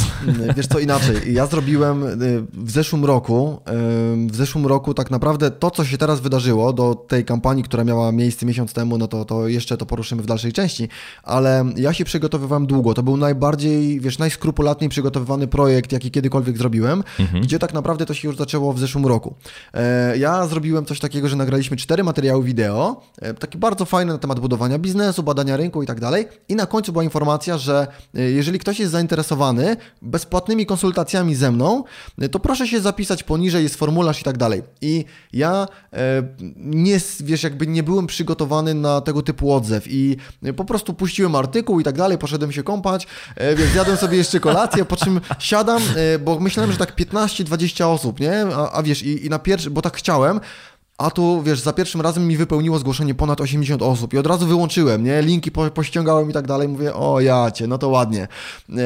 I rzeczywiście wszystkich konsultacji zrobiłem 134 przez cały 2016 rok, masa czasu, gdzie to było, wiesz, każde spotkanie co najmniej godzinę. No, co ale... najmniej godzinę to jest miesiąc roboczy. No tak. 160 no tak. godzin w miesiącu. Tak, no. E, ale żeby, e, wiesz, żeby się dostać na te konsultacje, to ci ludzie musieli wypełnić ankietę. To było zasadnione tym, że słuchajcie, e, żeby żebyśmy nie tracili czasu później na spotkaniu, wypełnij ankietę, ja będę wiedział, co ty robisz, czym ty się zajmujesz, jakie są u ciebie palące problemy, co ci spędza sens powiek. Mhm. Jak się spotkamy, no to od razu działamy z konkretami, tak? Bo mamy, bo mamy te 60 minut. Więc tak to wyglądało pod kątem, no i tego było dużo, tak jak mówię, 134 takie bardzo rozbudowane ankiety, plus jeszcze tak naprawdę wartością, wiesz, taką mega uzupełniającą były też te konsultacje. Oczywiście to też nie jest tak, że te konsultacje to były takie całkowicie non-profit. Ja sobie to przemyślałem, to znaczy na konsultacjach później no bo wiesz, podpowiadam komuś przez godzinę. Słuchaj, możesz zrobić to, to, to, to i to. Nie, tu powinieneś poprawić nagłówek. No tutaj ten content to tak nie bardzo, to się tworzy trochę inaczej. Wiesz, i, i podpowiadałem często ludziom też i co i jak, ale tego, co zostawało, znaczy wiesz, dużo było mm, takich jeszcze rzeczy, które były otwarte i oni nie wiedzieli, y, co z tym zrobić. I na zasadzie, y, Bartek, okej, okay, fajnie, bardzo dużo mi rzeczy podpowiedziałeś, ale teraz mam i, i, ludzie sami, nie? A czy ty pomożesz mi to zrobić? Wiesz o co chodzi? I mówię, mhm. okej, okay, no to możemy się już mówić, no oczywiście nie non-profit, także... Komercyjnie. Tylko już komercyjnie i sprzedawałem to w pakietach, tak? Czyli mhm. nie na zasadzie, że umawiamy się na godzinę, tylko trzeba było wziąć minimum 4-5 godzin konsultacji, no i to już oferowałem za 2000 zł, tak? Tak? Mhm. I y, z, tego, z tej oferty skorzystało 9 osób, tak? Czyli tak naprawdę 9 e, osób, tak, czyli 18 tysięcy jakby zarobiłem na tych takich dodatkowych konsultacjach premium mhm. i rozkładając to na tych wszystkich osób, no to tam 130 zł można powiedzieć, że każda godzina, czy ktoś mi zapłacił, czy nie, no to wiesz, średnio tyle, średnio wyszło. tyle wyszło jakby na rozmowę, nie? Mhm. No więc nie do końca, e, nie uważam tego, że, że to było jakaś zła decyzja, no tak jak mówię, ten, to pierwszy, za pierwszym razem przeholowałem, wiesz, nie przypilnowałem tych zapisów, ale rzeczywiście wiedza bezcenna, nie? To uważam, że to przez kilka najbliższych lat będziemy jakby wykorzystywać, bo to, czego tam się dowiedziałem, no to, to są niesamowite rzeczy. Yy, I to też mi bardzo pomogło później poukładać, wiesz, yy, jaki ma być pierwszy produkt, jak ma być zrobiona właśnie cała kampania, tak? Dobra recepta na to, jak za pieniądze klientów dowiedzieć się, czego potrzebują. No trochę tak. Krótko trochę mówiąc. Tak. Mhm. No, ale to na tym polega też w dużej mierze, no, nie oszukujmy się. Ja, ja celowo pytam o te ankiety, dlatego że ja mam czasami taki problem, że nie jestem w stanie przetworzyć rzeczywiście. Mhm. Znaczy dostaję tak dużo odpowiedzi, często tak rozbie... No, na przykład zadałem takie pytanie, o czym chciałbyś przeczytać w książce Finansowy Ninja, nie? Mhm. Jeszcze zanim ta książka, zanim pierwsze zdanie w książce napisałem, to gdzieś tam na blogu publikowałem tę informację, że mm, same odpowiedzi zajęły 700 stron w Wordzie. Znaczy, jak, jak wszystkie te no. wyniki ankiety wkleiłem, o czym by ludzie chcieli przeczytać, zajęło to 700 stron w Wordzie, więc E, przeczytanie tego, pogrupowanie tego, mhm. zastanowienie się nad tym, które z tych zagadnień mają sens, a które nie, które powinny się znaleźć mhm. w tej mhm. książce, a które nie, naprawdę kawał tytanicznej pracy. I owszem, zgadzam się, spory know-how, czego ludzie potrzebują, to, to tak, ale z drugiej strony też coś takiego, że ja w pewnym momencie, momencie doszedłem autentycznie do ściany. Mówię, matko, tego jest tyle, że po prostu nigdy tej książki nie napiszę, mm -hmm. nie? I, I, można powiedzieć, no zadziałało to z jednej strony trochę motywująco, a z drugiej strony kompletnie destrukcyjnie, bo, mm -hmm. bo jednak stwierdziłem, że, że utonę i tak muszę dokonać sam praktycznie wyboru tego, no tak, o czym chcę tak, napisać, nie? Więc każdy miecz ma, każdy, każdy miecz jest obosieczny i każdy kij ma dwa końce, nie? No, dokładnie. Dobra, czyli powiedzieliśmy y, plusy, minusy tych szkoleń mm, tradycyjnych. Y, o książce w zasadzie już powiedzieliśmy, o szkoleniach online też w zasadzie powiedzieliśmy, wiemy jakie są ich plusy. No przede wszystkim to, że robisz pracę raz, raz i ona jest powielana, nie? Tak, i można ją sprzedawać cały czas, nawet takie szkolenia łączone, tak jak mówiłeś, jak Extreme Productivity, gdzie jakby nagrywasz szkolenie stacjonarne, później sprzedajesz, no to w mhm. zasadzie można wielokrotnie więcej zarobić tak, na tak. tej sprzedaży online później przez lata, mhm. niż rzeczywiście na tym szkoleniu stacjonarnym. Nie? Minusem szkoleń online jest to, że nie masz ludzi, tak? tak. Że nie masz ich na żywo jakby, tak. no bo można rzeczywiście stworzyć jakąś społeczność, grupę i to wtedy żyje i to jest fajne, nie? Tak. No to do tego za chwilę dojdziemy, mhm. dlatego że w sumie produkt, który niedawno zaoferowałeś, to jest kurs, który się nazywa Liczy się strategia i on tak jest wyłącznie jest. online'owy. Tak, tak. To weź trzy słowa, powiedz o tym, co to jest. Okej, okay, kurs na temat właśnie, to jest pierwsza rzecz, którą ludzie zaznaczali w ankiecie. Nie mam całościowej strategii dla swojego biznesu. W sensie nie wiem w ogóle skąd klienci do mnie przychodzą, e, mhm. nie wiem e, coś im sprzedaję, ale tak do końca nie mam do, do zaproponowania nic więcej. Nie myślę o tym, e, co zrobić, żeby mieć długofalową relację z tym klientem, ani jak ją utrzymać. Mhm. Nie mam pojęcia, co zrobić, żeby klienci przyprowadzali do nas kolejnych klientów oraz żeby sami chcieli wracać, tak?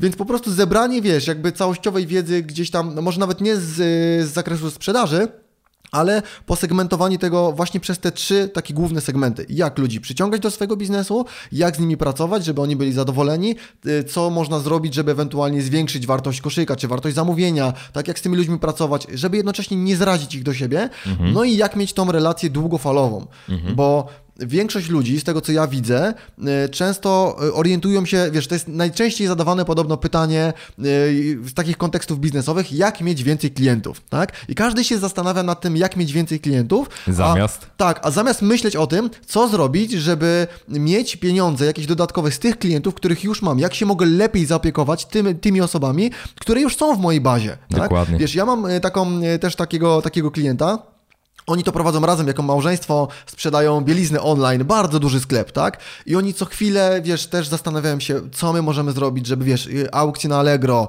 coś tam z OLX-em próbowali i tak dalej. Mhm. Ja mówię, a powiedzcie mi, ile wy macie jakby już y, transakcji przeprowadzonych na koncie i tak dalej? No tam ponad około 130 tysięcy transakcji zakończonych, wiesz, że gdzieś coś wysłali. Tak. Ja mówię, no to przecież to jest żyła złota. A nic z tym nie robili kompletnie. Nie? Nic kompletnie nie, nie robili, wiesz. 130 tysięcy to jest przepotężna baza. Tak, tak? Człowiek nie kupuje bielizny raz w życiu. Nie? No właśnie, no ale to jest, to jest, wiesz, w twoim interesie, y, bo często to jest takie wychodzenie jeszcze, myślenie, nie wiem, postperelowskie, bo jak coś jest dobre, to klienci wrócą. Sami, Albo nie? jak byli zadowoleni, to wrócą. Nie. Nawet jak ktoś jest zadowolony, e, nawet jak ktoś nas lubi, to żyjemy w takich czasach, w takim chaosie, że to jest w naszym interesie, tak? I jak my o to nie zadbamy, no to okej, okay, któryś klient wróci, co któryś może wrócić, ale w naszym interesie jest, żeby zrobić cokolwiek, tak? Cokolwiek. Żeby się przypomnieć. Żeby się przypomnieć, żeby Dokładnie istnieć tak. w ich głowach. Bo zobacz, tak jak każdy z nas wie, co to jest Coca-Cola, mhm. E, a mimo to Coca-Cola robi cały czas marketing. Przecież nie po to, żeby nam się e, zaoferować po raz pierwszy, tylko żeby cały czas gdzieś istnieć w naszych głowach, nie? Dokładnie tak, dokładnie tak. Dobra, czyli wiemy, czym jest produkt. E, to powiedz o technicznej stronie. Jak ten produkt technicznie jest zrealizowany i w jaki sposób dbasz o to, żeby rzeczywiście mieć kontakt z tymi mhm. osobami, które w tym szkoleniu, nazwijmy to w cudzysłowie, mhm. E, uczestniczą. Okej, okay. tu znowu, wiesz, gdzieś tam sięgałem do, do materiałów y, amerykańskich y, pod kątem tego, jak oni robią tego typu kampanie. Bardzo, mhm. no cały rok, mo można powiedzieć, 2016 ja się przygotowywałem, wiesz, do, do tego. Y, też właśnie dlatego w zeszłym roku wyciąłem produkty, żeby też stworzyć sobie taki bufor finansowy, żeby mieć czas na powiększenie zespołu, kupić lepszy sprzęt i tak dalej. Także tak naprawdę można powiedzieć, że strategicznie to, co zrobiliśmy teraz, no to się ciągnie od początku 2016 roku, od tych mhm. ankiet, tak? To jest mhm. Cały taki sobie proces y, i jeszcze jest, wiesz, są, są pomysły na, na kolejne rzeczy. Ja kiedyś też tego nie robiłem. E, dlatego to było takie od kampanii do kampanii, wiesz, przeskakiwanie z kwiatka na kwiatek e, i to jest bardzo złe. I sam się musiałem z tego wyleczyć. Dzisiaj chcę oduczyć tego też innych ludzi, którzy mhm. próbują milion rzeczy, e, ich energia jest rozproszona w dziesięciu kierunkach, a tak się nie da. Więc pierwsza rzecz, którą ja robię, no to jest, wiesz, wycinam, każę im wycinać w pień wszystkie rzeczy, które są niedochodowe, skupić się na tych, które działają mhm. i to mówię, rozwiń, wyskaluj, skup się na tym tu sobie zarobisz pieniądze, wtedy się będziesz bawił dodatkowymi, dodatkowymi rzeczami, tak? Pierwsza rzecz, którą robimy w kursie. Natomiast jak on jest realizowany? Jest zrobiony online mhm. I nagrania wypuszczamy sukcesywnie tak? Przy czym ja też na poziomie oferty już zaznaczałem, że ten kurs będzie żył, on będzie ewoluował, tak? To jest ryzyko, które podjęli ludzie, czyli płacisz za kurs, który jeszcze nie jest przygotowany na tip-top, mhm. ale cena jest, z racji tego cena była troszkę niższa, w zeszłym roku, znaczy w przyszłym roku na 100% ją, ją podniosę, ponadto masz dostęp dożywotni do wszystkich materiałów, tak? Mhm. E, czyli i do grupy, która świetnie funkcjonuje na Facebooku, z tego jestem po prostu dumny niesłychanie, że, że ta społeczność, ludzie sami sobie pomagają, rozwiązują problemy, więc to jest kapitalne e, i to jest pierwsza rzecz, czyli grupa e, i dwa, mają też dostęp no, do kursu i do wszystkich przyszłych aktualizacji też będą mieli dostęp, tak? Mhm. Więc to jest tak, jak ty zrobiłeś z budżetem domowym, prawda? Chyba z pierwszą tak, edycją. budżet domowy w tydzień, e, stale, że tak powiem, dostępny kurs, w zasadzie mhm. żadnej daty przydatności do spożycia mhm. nie ma, w sensie można go używać kiedy się chce, dlatego że on jest ponadczasowy z jednej mhm. strony, a z drugiej strony w miarę jak tam kolejne wersje arkusza budżetu domowego udostępniam, no to tam jest w tym kursie również aktualizowany. No właśnie, i też ta, ja pamiętam, ty to mocno komunikowałeś przy tej pierwszej edycji, nie? Że, tak. że ta pierwsza grupa, która. Tak, pierwsza grupa miała taniej, o połowę mhm. taniej miała no ten właśnie. kurs praktycznie, dlatego że zresztą ja go później też zdjąłem ze stałej sprzedaży. Mhm. On teraz jest dostępny w ramach stałej sprzedaży, bo jest dostępny w pakiecie z książką również, najdroższym mhm. pakiecie z książką, aczkolwiek jego cena jest, y, można powiedzieć, mało konkurencyjna w porównaniu z tym, co było wcześniej, nie? Mhm. Czyli jakby no, jest po prostu dostępny w wyższej cenie. Yy, I znaczy ten model się dobrze sprawdza, w sensie mhm. takim, że to rzeczywiście jest, bo ja zastanawiałem się nad tym, nie wiem jak ty, czy na przykład mhm. robić sprzedaż, wiem, że robiłeś teraz sprzedaż ratalną, nie? Dzieliłeś tak, na dwie tak. raty. E, ale ja na przykład no, zastanawiałem się nad tym, czy rozbijać taką sprzedaż na raty i tak dalej. To ze względu chociażby na specyfikę tego mojego kursu, mhm. że to jest kurs tygodniowy, tak? No tak że tam tak. jest materiałów na tydzień raptem. Więc y, tutaj jakby zastosowanie rat absolutnie nie miało żadnego no nie, sensu nie. biznesowego, ani logicznego, ani merytorycznego, więc y, no, no, dokładnie. Tutaj to jest 3 miesiące, wiesz, kurs jest 3 y, miesięczny, no w tych pakietach Gold i, i Platinum, no to tak naprawdę tam też mam taką umowę, że e, będą ci ludzie pilnowani przeze mnie do, do końca roku, tak, mm -hmm, do końca roku mm -hmm. kalendarzowego, ale kurs jest wypuszczany sukcesywnie co tydzień kolejne lekcje, przy czym właśnie czasami ludzie mi dają znać, że Bartku, ja nie do końca rozumiem coś tam z tym modułem, to dogrywamy, tak? To dogrywamy, wiesz, przyjeżdża do mnie Kamil, rozkładamy sprzęt, dogrywamy kolejne lekcje, e, dlatego widzisz, i tu też wyciągnąłem lekcje z poprzednich e, kursów, które robiłem, że ja zawsze mówiłem na początku, co to jest za nagranie pod kątem numeru. A teraz mówię po prostu, witam Cię w kolejnym nagraniu, jesteśmy w module tym i tym. To jest po to zrobione, żebym ja ewentualnie mógł to przestawić. Tak. Bo ja na dzisiaj nie mam też stuprocentowej pewności, czy ta kolejność, jaką teraz idziemy, czy ona jest najlepsza. Tak? tak? Więc ta pierwsza edycja trochę żyje, coś tam poprzestawiamy, ja coś pewnie jeszcze podogrywam. E, I wypuszczamy to sukcesywnie, e, sukcesywnie co, co tydzień, wysyłamy ludziom. E, tam jest jeszcze zrobiony taki myk, mm, coś czego ja się trochę bałem w ofercie umieścić, ale sprawdziło się to niesamowicie. Ja doszedłem do wniosku, że często przedsiębiorcy właśnie to jest na zasadzie, ja już nie chcę mieć nad sobą szefa, ja idę na swoje, ja chcę pracować kiedy chcę, skąd chcę, absolutna wolność i tak dalej. Przy czym tak naprawdę tego jednego szefa zamieniasz na stu, czy tam kilkudziesięciu, czy kilkuset, y, którzy każdy coś od ciebie chce, tak? tak no bo każdy klienci, klient, pracownicy tak, również. To jest twój szef, każdy klient to jest twój szef, no i są czasami o wiele bardziej roszczeniowi niż ten jeden szef, którego miałeś na, na etacie, tak? Z tym jednym jeszcze się można było jakoś dogadać, a tu masz, wiesz, wielu i, i to totalnie różne osobowości. E, więc to czasami nie, jakby realia są totalnie inne od tego, co ludzie sobie wyobrażają, jak pójdę na swoje. Mhm. E, poza tym też się włącza coś takiego, jak zacznę pracę o 10, a nie o 8, to nic się nie stanie. Jak miałem coś zrobić na wtorek, ale jak wypuszczę w czwartek, to nic się nie stanie. I wiesz, ludzie idą na swoje i pracują na pół gwizdka. I tak. ja tam dałem taki akapit, taki mocny, wiesz, tak napisałem, że to, co, do czego dążyłeś, czyli właśnie ta wolność, praca gdzie chcesz, kiedy chcesz, czyli y, to, do czego dążyłeś, tak naprawdę stało się twoim największym przekleństwem, bo nie dajesz ciebie, bo nie ma ciebie, wiesz, tak, nikt tak. Nad, nad, tobą, nad tobą nie stoi z batem, tak? Y, w korporacjach jesteś rozliczany, jest widać swoją efektywność czarno na białym, tutaj tego nie ma. I tam dałem coś takiego, że w pakietach Platinum e, i w Goldach to oni mają to zapewnione, że ja dzwonię do nich raz w tygodniu. Po prostu wiesz, łapię za telefon, siema z tej strony Bartek, jak tam idzie kurs, na której jesteś lekcji, czy w czymś mogę pomóc. I wiesz, i sobie z tymi ludźmi rozmawiam. I to też wiem, że to jest dla nich super wartość. Bo czasami ktoś mi mówi, Bartku, a ja mam takie pytanie i rzuca jakiś problem. E, I ja tym ludziom podpowiadam coś, co w ogóle nie wchodzi w zakres kursu. Ja mówię, mm -hmm. słuchaj, to zrób to mm -hmm. tak, tak i tak, nie? No i wtedy, o, w ogóle super, nie? Ja tu się zastanawiałem, jak to zrobić, a ty mi to rozwiązałeś od razu przez telefon. Więc wiesz, mm, tu znowu ponoszę jakieś koszty pod kątem czasu, no bo to jest ta, ta osoba z tego pakietu, ale jeszcze też wziąłem tę 50 z pakietu Silver, więc mam do obdzwonienia... 50 osób, tak? Tak, tak, mhm. więc łącznie mam do obdzwonienia 70 osób. Tygodniowo. Dobra, to poczekaj, to poczekaj. Mhm. No, kupa roboty widzę, ale no właśnie tym bardziej się zastanawiam nad tym. Yy... No dobra, to to jest dużo pracy, na mhm. pewno, 70 telefonów tygodniowo, mhm. zwłaszcza dla mnie, jako mhm. osoby nie lubiącej dzwonić, to jest absolutnie niewykonalne i niewyobrażalne, e, więc tym bardziej interesuje mnie, ile osób zapisało się do tego kursu mhm. i jakie były przychody ze sprzedaży, bo wiem, że te dane masz i wiem, mhm. że one są jawne.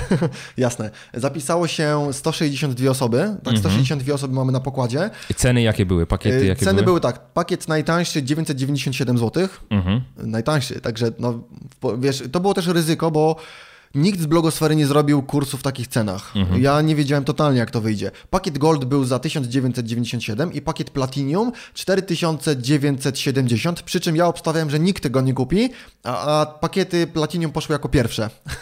Ile sztuk było tych pakietów? E, Platinum było 5. Niesamowite. Dobra, łącznie przychody? Y, łącznie to jest tak, bo y, wspomnieliśmy o tych ratach. Tak. Czyli to, co spłynęło y, przez pierwszy tydzień mieliśmy sprzedaż ciągłą, tak? Znaczy tak. sprzedaż tylko były y, na sztywno te ceny. O, opłata jednorazowa. Jednorazowa tak. opłata, żadnego dzielenia. Ale dostaliśmy taką ilość maili. Y, właśnie no, Kamil, który obsługuje pocztę u nas, y, mówi, że przez te wiesz, kilka dni dostał więcej maili niż przez cały poprzedni rok łącznie. Tak? Okay. Więc, Spore zainteresowanie. Tak, wszyscy wiesz, a czy nie dałoby się po, po prostu tego podzielić na dwie, na trzy raty, więc uznaliśmy, że e, pakiet Silver dzielimy na dwie raty, mhm. Pakiet Gold też na dwie, e, Platinum, gdyby ktoś chciał na raty, to na trzy, tak? Mhm. No i dwie osoby się zdecydowały rzeczywiście wziąć ten e, Platinum na trzy raty, tak? Mhm. No więc fajnie, nie ma, nie ma z tym żadnego problemu, więc przychody, jakby to, co już do nas spłynęło, to jest 160 tysięcy z jakimiś groszami, 162 tysiące złotych, tak? Mhm. To jest to, co już jest pewne. Natomiast jeżeli wszyscy by spłacili raty, to jest 220 tysięcy złotych. Łącznie 220 tysięcy tak złotych przy sprzedaży do ilu osób? Jeszcze raz powtórzę. 162 osoby. 162 osoby. W teorii 162 osoby to nie jest dużo, nie? Mhm. Kwota jest całkiem zacna. no tak, tak. No. Dokładnie. Super, super Bartek, absolutnie super. Gdybyś miał powiedzieć, w jakim stopniu te przychody finansują Twoją działalność, y, to na ile miesięcy pokrywania kosztów działalności to wystarcza? Y, to, co teraz, znaczy wiesz, ja też mam, koszty działalności pokrywa mi one-time offer, tak? To, okay. o czym mówiliśmy wcześniej. Okay. Czyli tak? w zasadzie codziennie sprzedajesz tak. Y, inny produkt, który finansuje ci, pokrywa znaczy ci jeden produkt, nie? Jeden, produkt, produkt tak. który jest, w, wiesz, stale zrobiony jako jednorazowa oferta, on mi pokrywa koszty działalności, on Super. mi pokrywa, wiesz, życie, ZUSy i tak dalej, no podatków nie, no bo podatki wiadomo, że wtedy od, od przychodu, tak? Tak. E, płacimy, ale takie, wiesz, tam e, pracownicy i tak dalej, to mi zapewnia jednorazowa oferta. Mhm. Polecam, mhm. Michał, polecam. Okej, okay, dobrze. Czyli to masz, to masz zapewnione mhm. e, w zasadzie, a cała reszta to jest, można powiedzieć, bonus. Mhm. Super. I teraz plan jest taki, bo to jest, wiesz, pierwsza edycja. Na drugą edycję na pewno podniosę, podniosę ceny. Kiedy czym, będzie druga edycja? W przyszłym roku. Czyli raz do raz roku do planujesz roku. Tak, wypuszczać? Tak, tak, tak. Mhm. Bo od września zaczynamy znowu, wiesz, ja mam też drugą odnogę edukacyjną e, i tam zaczynamy, to jest totalnie niezwiązane z blogiem, tak? Mamy cały projekt, e, znaczy kurs się nazywa Strategie Nauki Geniuszy, ale cały projekt jest jakby, znaczy wszystko jest jakby pod tą, pod tą łatką, tak? Mamy, czyli Strategie Nauki Geniuszy to jest kurs, ale projekt się nazywa Liczy się Nauka TV tak? Mhm. I tam realizujemy poprzez YouTube'a i tak dalej. Nawet strony do tego nie mamy, no ale to jest też projekt, który w ciągu w ciągu 12 miesięcy, no też ponad 200 tysięcy na siebie zarobił, tak? Super. Więc świetna rzecz. I to robimy od września do końca marca, e, tak? No bo później, wiesz, już ludzie e, przestają wierzyć, że cokolwiek im pomoże przed maturą na przykład, mhm. no więc już, wiesz, pozostaje im modlenie się.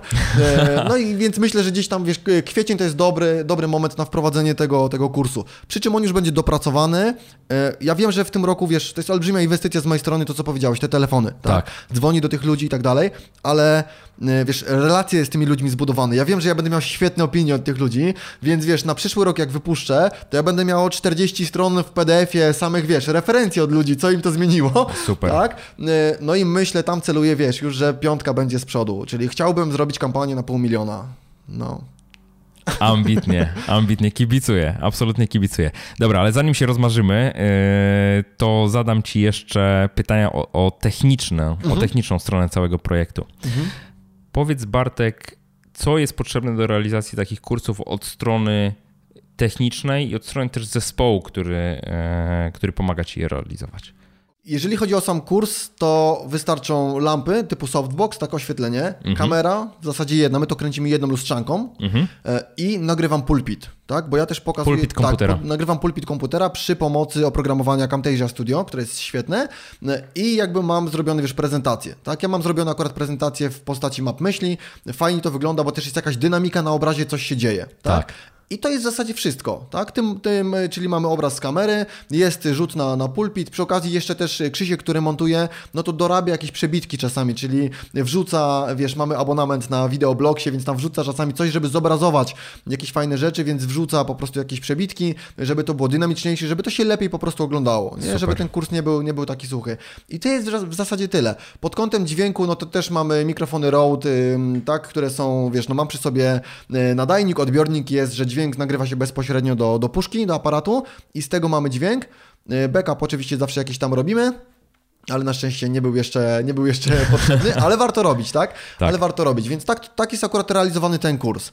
Natomiast e, inne rzeczy, które robimy, no to też mam zielone tło, green screen, pod który coś mogę podłożyć i tak realizujemy ten projekt, e, liczy się Nauka TV, no to realizujemy właśnie przy pomocy green screena, e, tak, albo też czasami przy biurku zmieniam, żeby to też, wiesz, w różnych, w różnych miejscach było, tak, także, także trochę się tym bawimy konwencją. Super, super. Dobra, jeżeli chodzi o narzędzia i takie platformy technologiczne. To kiedyś mówiłeś, że korzystałeś z Mentora, w tej mhm. chwili masz jakieś swoje rozwiązanie? Tak, teraz mam rozwiązanie własne, platforma napisana przez Michała Jaworskiego. Tutaj poszedłem, bo budżet domowy w tydzień tak. E, też, też na tym stał, tak? Także tu od Czyli to dostałem... jest e, Easy Digital Downloads, tak EDD, inaczej mówiąc, który pracuje na WordPressie tak po jest. prostu jako rozszerzenie i tam jest e, też dodatkowe wtyczki, które pisze firma upsell.pl, czyli firma Michała Jaworskiego. Tak jest Super. Znaczy połowa blogosfery chyba korzysta z tak, usług tak. Michała w tej chwili. Dobrze, dobrą robotę zrobił. E, przy czym e, Michał też mówił, że on chce iść w kierunku, wiesz, to jest świetne dla nas, bo zapłaciliśmy raz.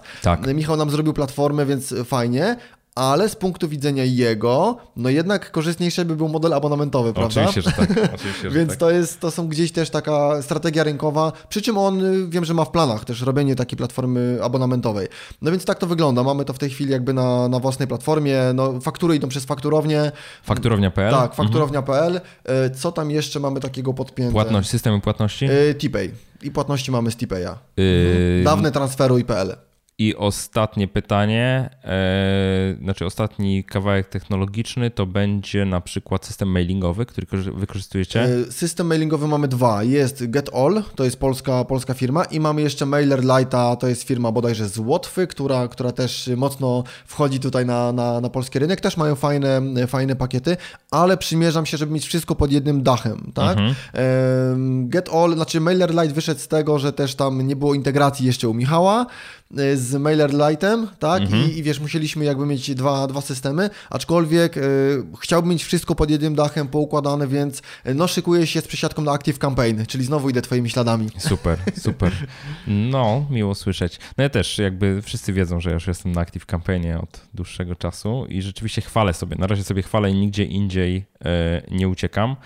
To, co też w Active Campaignie, jak już tak technologicznie mówiłem, to, co mi się w Active Campaignie podoba w tej chwili, to jest to, że można już w tej chwili traktować Active Campaign jako system CRM mhm. i w, przekazywać do niego z systemu sprzedażowego również informacje sprzedażowe. Czyli w systemie teoretycznie służącym do obsługi poczty, ale te, również kontaktów, może ci lądować informacja, ile dany kontakt, ile dana osoba zapłaciła już za Twoje produkty, mhm. jakie produkty kupiła i tak dalej. I to jest coś, y, czego ja jeszcze nie zrealizowałem tak w pełni. Na razie mam to częściowo zrealizowane, ale generalnie idę w tym kierunku, nie? żeby też umieć sobie analizować już po stronie systemu mailingowego mm, to, ile dla mnie warty jest każdy klient, mówiąc mm -hmm. zupełnie wprost. Tak Ale żeśmy biznesowo już pojechali. No dobra, to to jest, to jest jakby strona technologiczna. Czy jeszcze jakieś technologiczne rozwiązania? Technologicznie nie. Zespół. Zespół, no właśnie. Jak duży zespół? Powiem Ci tak, nad, teraz to jest łącznie ze mną cztery osoby. Mhm. Jestem ja, gdzie stoję przed kamerą, jest Kamil, który stoi za kamerą, jest Krzysztof, który montuje i jest Sebastian, który robi wersje tekstowe. Mhm. Tak, czyli wszystkie rzeczy, tak, transkrypty, ale też y, jakby na potrzeby teraz kursu. Sebastian też dużo mi pomaga właśnie w tej odnodze edukacyjnej, mhm. bo to jest człowiek, który lubi siedzieć z nosem w książkach i szuka jakichś badań na temat, wiesz, stresu, multitaskingu, y, jak wypijesz wodę przed egzaminem, to co się stanie, bo my tam wrzucamy takie, wiesz, takie ciekawostki i on lubi tego szukać, y, ma do tego, wiesz, dryk, więc to też jest taka specyficzna umiejętność, nie? Żeby, żeby research. taki research, tak, więc research plus, plus wszystko, co jest związane z tekstami, e, więc bardzo, bardzo e, pomaga. No więc jakby to jest jakby rdzeń, tak? No czasami, wiesz, żona coś tam pomoże, wiadomo, więc także pomaga Ola, ona jest księgowa, no ale to już bardziej zewnętrzne sprawy. Ale zespół taki rdzeń, no to łącznie ze mną cztery osoby. Super. To są osoby, które są z tobą w miarę na stałe, czy y, to są osoby, które są rozliczane po prostu od zadania do zadania, od projektu do projektu? Tak było kiedyś, y, mhm. z tym, że w tym momencie tych projektów robimy tak dużo, mhm. że można powiedzieć, że są na stałe, tak? Jasne. Też ci wspominałem, no będziemy, bo, bo wcześniej to było takie skoki kampanijne, więc ja też ciężko mi było wziąć sobie kogoś na etat, jeżeli tej osoby bym później, wiesz, musiałbym płacić, a dwa miesiące nie miałbym dla niej żadnych zadań, tak? Mhm, Natomiast mhm. teraz jakby jest takie oburzenie z pracą, mhm. y, no, że będziemy też robili zmiany na poziomie umów i tak dalej. Wiem, że dla ludzi to też jest ważne, tak? Super. Znaczy to też fajnie, że udało ci się jakby przejść tą drogę, yy, że przestajesz mieć wątpliwości, że warto posiadać ludzi na stałe, nie? Bo to, yy, to jest taka wątpliwość, którą ja zawsze mam, że ta praca jest taka mocno projektowa i mhm. często jest też tak, że u mnie, że po prostu w danej chwili owszem realizuję projekt, ale później przez parę miesięcy po prostu już nic nie realizuję, bo staram się robić projekty w taki sposób, żeby one rzeczywiście same na siebie zarabiały, niekoniecznie wkładając tam jakąś dodatkową pracę, nie? Mhm. E, w sumie można powiedzieć, z książką się bardzo dobrze udało. No tak, z tym, że wiesz, u mnie to też jest, bo na tym etapie my często robimy jakby zespołowo. Tak. Coś, o czym nie powiedziałem przy, bo pytałeś o produkty. Raz na jakiś czas, bardzo rzadko, ale robimy coś takiego jakby usługę na rzecz innej firmy, mhm. coś w stylu zrób to za mnie. Okay. Czyli ktoś przychodzi, Bartku, Podobają mi się Twoje materiały, podoba mi się to, co robisz, widzę Cię, gdzieś tam się pokazujesz, wykłady, nie wykłady, masz super zrobione wideo. Ja bym chciał wejść na taki rynek, w sensie mam wiedzę na przykład, tak, znam się na nieruchomościach, znam się na tym, na tamtym, znam się na negocjowaniu, mhm. Y, ale teraz jak ja mam się do tego w ogóle zabrać? Jakiś blog, jakieś artykuły, o co chodzi? Ja mam swoją robotę, ja mam klientów, co, więc przychodzę do Ciebie, ile by to kosztowało? Tak, żebyś ty mi zrobił wszystko od A do Z. No i mamy też tego typu usługi, I, mhm. ale to jest rzecz, którą ja jestem w stanie zrobić raz rocznie, bo wtedy ja się muszę, wiesz, na dwa, na dwa miesiące wyłączyć ze swoim zespołem i tak naprawdę firmę kogoś innego no traktuję jak swoją własną. Jasne. Więc to jest bardzo droga rzecz i tak jak mówię, wiem, że chętnych, wiesz, to jest ciężko, bo, bo zgłaszają się ludzie na tego typu rzeczy i, i ja sobie też mentalnie musiałem Michał przestawić, bo kiedyś robiłem rzeczy za, wiesz, 50, 100, 200 zł, a teraz mówię, że no tego typu rzecz jest, jest bardzo droga i, i nawet ciężko mi napisać. Mam problem z tym, żeby podać jakąś taką stawkę, przy czym ktoś, wiesz, bez negocjacji, Wartku, przez szacunek do ciebie to nawet nie będę negocjował spoko, nie? No i wtedy wiesz. I, wtedy, I wtedy mówisz, o matko, powiedziałem za mało. No tak, znaczy, no, wiesz, i, i, tak to są bardzo dobre pieniądze, świetne pieniądze, e, no aczkolwiek wymaga to też dużo, dużo pracy, nie? Bo to już wiesz, jak coś nie wyjdzie u mnie w moim projekcie, no to okej, okay, nie wyszło, lecimy dalej. No ale wchodzisz do kogoś, więc tam musi być to przeprowadzone bardzo dobrze, żeby, żeby wiesz, taka, żeby taka kampania. Tak, żeby klient był zadowolony, żeby to wypaliło. No bo wiesz, później jakieś fajne referencje czy coś takiego, nie? Że, że Bartek zrobił dla nas taką rzecz, czy tam stał na zapleczu, bo tak naprawdę y, może nawet nie referencje, bo ja jestem trochę taką, wiesz, szarą eminencją, w sensie nikt nawet nie wie, że ja pewne rzeczy zrobiłem na polskim rynku mhm. e, i takie też są w planach, gdzie ja po prostu będę ze swoim zespołem całkowicie z tyłu. W sensie mhm. ani ja się tym nie będę chwalił, e, ani też nie do końca chcę, żeby te osoby, którym pomagamy, żeby też mówiły, że Bartek Popiel nam w tym pomagał. Jasne, nie? jasne. No ale wiesz, te informacje mimo wszystko się rozchodzą w jakiś mhm. sposób, w tym sensie, że nawet nie chodzi o to, kto co zrobił, tylko jeżeli u tego kogoś pojawi się ktoś kolejny i poprosi o to, żeby wskazać kogoś, kto może Tak, pomóc, no to oczywiście. wiadomo, że trafi do ciebie, nie? Tak, tak, tak. Więc no, doskonale rozumiem, jak to działa. Jeden aspekt, Bartek, jeszcze. E, Długo rozmawiamy, ale myślę, że to trzeba e, trochę podrążyć, bo też nie chciałbym, żeby osoby, które nas oglądają czy słuchają, miały takie wrażenie, że to jest takie wszystko łatwe, proste i przyjemne i że jak się tak stanie przed kamerą, dwa softboxy weźmie i coś tam nagra w oparciu o to, co w głowie jest, Mhm. e, to za chwilę się takie świetne pieniądze będzie zarabiało. Więc ja bym chciał, żebyś trochę powiedział na temat tego, jak ty przygotowywałeś sprzedaż tego ostatniego swojego produktu.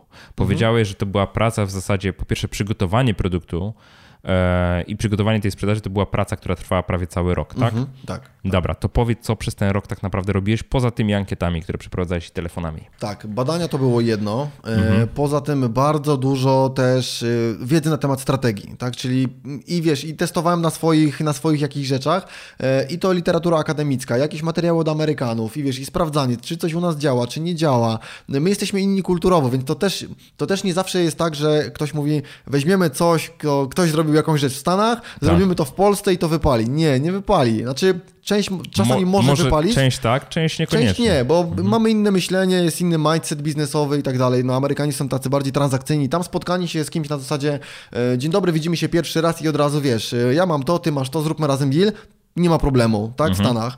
U nas to my się musimy poznać, pogadać, raz, drugi, trzeci, wiesz, dziś jednak ta relacja, nie, nie mamy takiej ufności też, Nie ma domniemania niewinności w Właśnie, dokładnie, dokładnie, więc to, to podchodzimy do tego zupełnie inaczej, e, więc bardzo dużo, wiesz, jakby takiej pracy koncepcyjnej, nie liczyłem tego godzinowo, nie spisywałem, e, tak, e, jak to, jak to wszystko wyglądało, natomiast mogę powiedzieć tak, jak robiłem szkolenie na sali, no to miesiąc się do niego przygotowywałem, czyli jeżeli szkolenie trwało sobota, niedziela, dwa dni, to miesiąc się do niego przygotowywałem, tak, e, przy czym to też nie było tak, że ja wchodziłem w tematy, które były mi zupełnie obce, tylko ja już coś wiedziałem, ja o tym pisałem na blogu, już gdzieś to się pojawiało, ja wiesz, przeczytałem na ten temat jakieś książki, Tak. więc y, tak naprawdę pozostało oszlifowanie tego, zebranie do kupy, oszlifowanie, wyłuskanie takich rzeczy, które najszybciej dadzą też y, efekty osobom, które pojawią się na sali, Mhm. Tak? No i później trzeba to jeszcze właśnie ładnie opakować, żeby to było w odpowiedniej strukturze. Także mówię, co najmniej miesiąc, tak? Co najmniej miesiąc. Y, Natomiast teraz też było tak, że wiesz, bardzo dużo rzeczy, y, już jakiś zarys mam y, tego, tego kursu. Część rzeczy, tak jak Ci mówiłem, też dogrywam, tak? Część rzeczy dogrywam, więc kurs jest przygotowany w jakichś 70%. Te dodatkowe 30% to jest coś, co ja wiem, że wypłynie w trakcie. E, No ale, ale tak naprawdę to jest, no, stricte treść do tego kursu zacząłem przygotowywać w grudniu. W grudniu, tak? Czyli grudzień, styczeń, luty. W marcu już się zaczęła też kampania, tak? Marzec, kwiecień ruszyliśmy, ruszyliśmy z kampanią. Gdybyś miał wskazać jakieś źródła, y, takie, z których warto czerpać wiedzę o tym, jak takie kampanie przeprowadzać, to co by to było? Y, Na temat przeprowadzania samej kampanii. Tak, samej kampanii. Wiesz co, jest dużo, znaczy przede wszystkim na pewno bym obserwował Amerykanów. E, Mhm. Nie tylko pod takim kątem, co oni robią, ale też jak to robią. Czyli nawet Mhm. bym sobie zapisywał tego i tego dnia dostałem takim. Ja tak robiłem, bo często mm, ci, którzy uczą, jak robić kampanię, swoje kampanie realizują trochę inaczej. Innym według innego scenariusza. Tak, tak. czyli wiesz, jak kiedyś miałem szkolenie, e, mam je nadal, tak, szkolenie Jeffa Walkera, Product Launch Formula, ono Mhm. jest świetne, świetne szkolenie wypełnione po brzegi, właśnie jak wprowadzać produkt na rynek, przy czym on to szkolenie wprowadzał trochę inaczej, Tak. tak? E, Ta cała metodyka jest gdzieś tam znana, e, często też ludzie myślą, a tam zrobię trzy wideo i później sprzedaż, tam ograniczona czasowo i to będzie działać. No nie, tam jest mnóstwo rzeczy pod spodem, których, które trzeba wiedzieć, ale ja polecam sobie analizować kampanię, czyli wchodzę w jakiś powiedzmy lejek sprzedażowy, tak, wchodzę w jakąś kampanię, ktoś robi, więc ja sobie zapisuję, zapisuję się na mailing, zapisuję się nawet wcześniej na listę oczekujących i sobie sprawdzam, kiedy, ja w Excelu, wiesz, powypisywałem sobie, kiedy przyszedł mi jaki mail, co tam się działo, Tak. czy on zapowiadał, jak to wyglądało, E, później, wiesz, e, kiedy dostałem e, maila do tej listy Early Birds, tak, że dostałem go wcześniej, to ile godzin wcześniej, jak wyglądała na drugi dzień sprzedaż i tak dalej, i tak dalej. Więc czasami trzeba, nie da się tego zrobić czasami inaczej, niż po prostu patrząc na ręce. Tak. E, To jest jedno. Dwa, warto pytać. Mhm. Kilk, kilka maili też gdzieś tam wysłałem. Dostałem odpowiedzi, tak, słuchaj, y, wiesz, pytanie na zasadzie, po co ty to zrobiłeś, tak? Mhm, no i, mhm. i ludzie ci odpiszą, tak? Amerykańcy, którzy, wiesz, w świecie gdzieś tam marketingu są uznawani za, za wielkich guru i też się dziwiłem, ale odpiszą. Może nie oni, może ktoś z zespołu, nie wiem, Tak. tak? Ale, ale wiesz, dostałem jakąś tam informację zwrotną, która mnie zadowalała. Mówię, okej, fajnie, wiem po co to jest, tak? E, Więc to, to jest trochę takiej pracy. E, Przy czym też w jednym z modułów tego kursu, który robimy, ja pokażę dokładną ścieżkę, jak ja zrealizowałem tą, tą kampanię. E, No ale wiesz, później to, co jakby zastosowaliśmy tak z grubsza u mnie. Zrobiliśmy, były dwa artykuły przed samą kampanią. Było, znaczy to, że będzie kurs o strategii, ja komunikowałem od listopada. Mhm. E, Ja go w ogóle miałem wypuścić e, początkowo gdzieś październik, listopad, ale chciałem zrobić, zrobiłem jeszcze jedną taką karkołomną rzecz. Wtedy weszły nam też te, wiesz, tą odnogę edukacyjną chciałem odświeżyć. Ludzie się o to pytali. Mówię to inaczej. To, czego ja chcę uczyć w tym kursie, przetestuję na tej swojej odnodze edukacyjnej.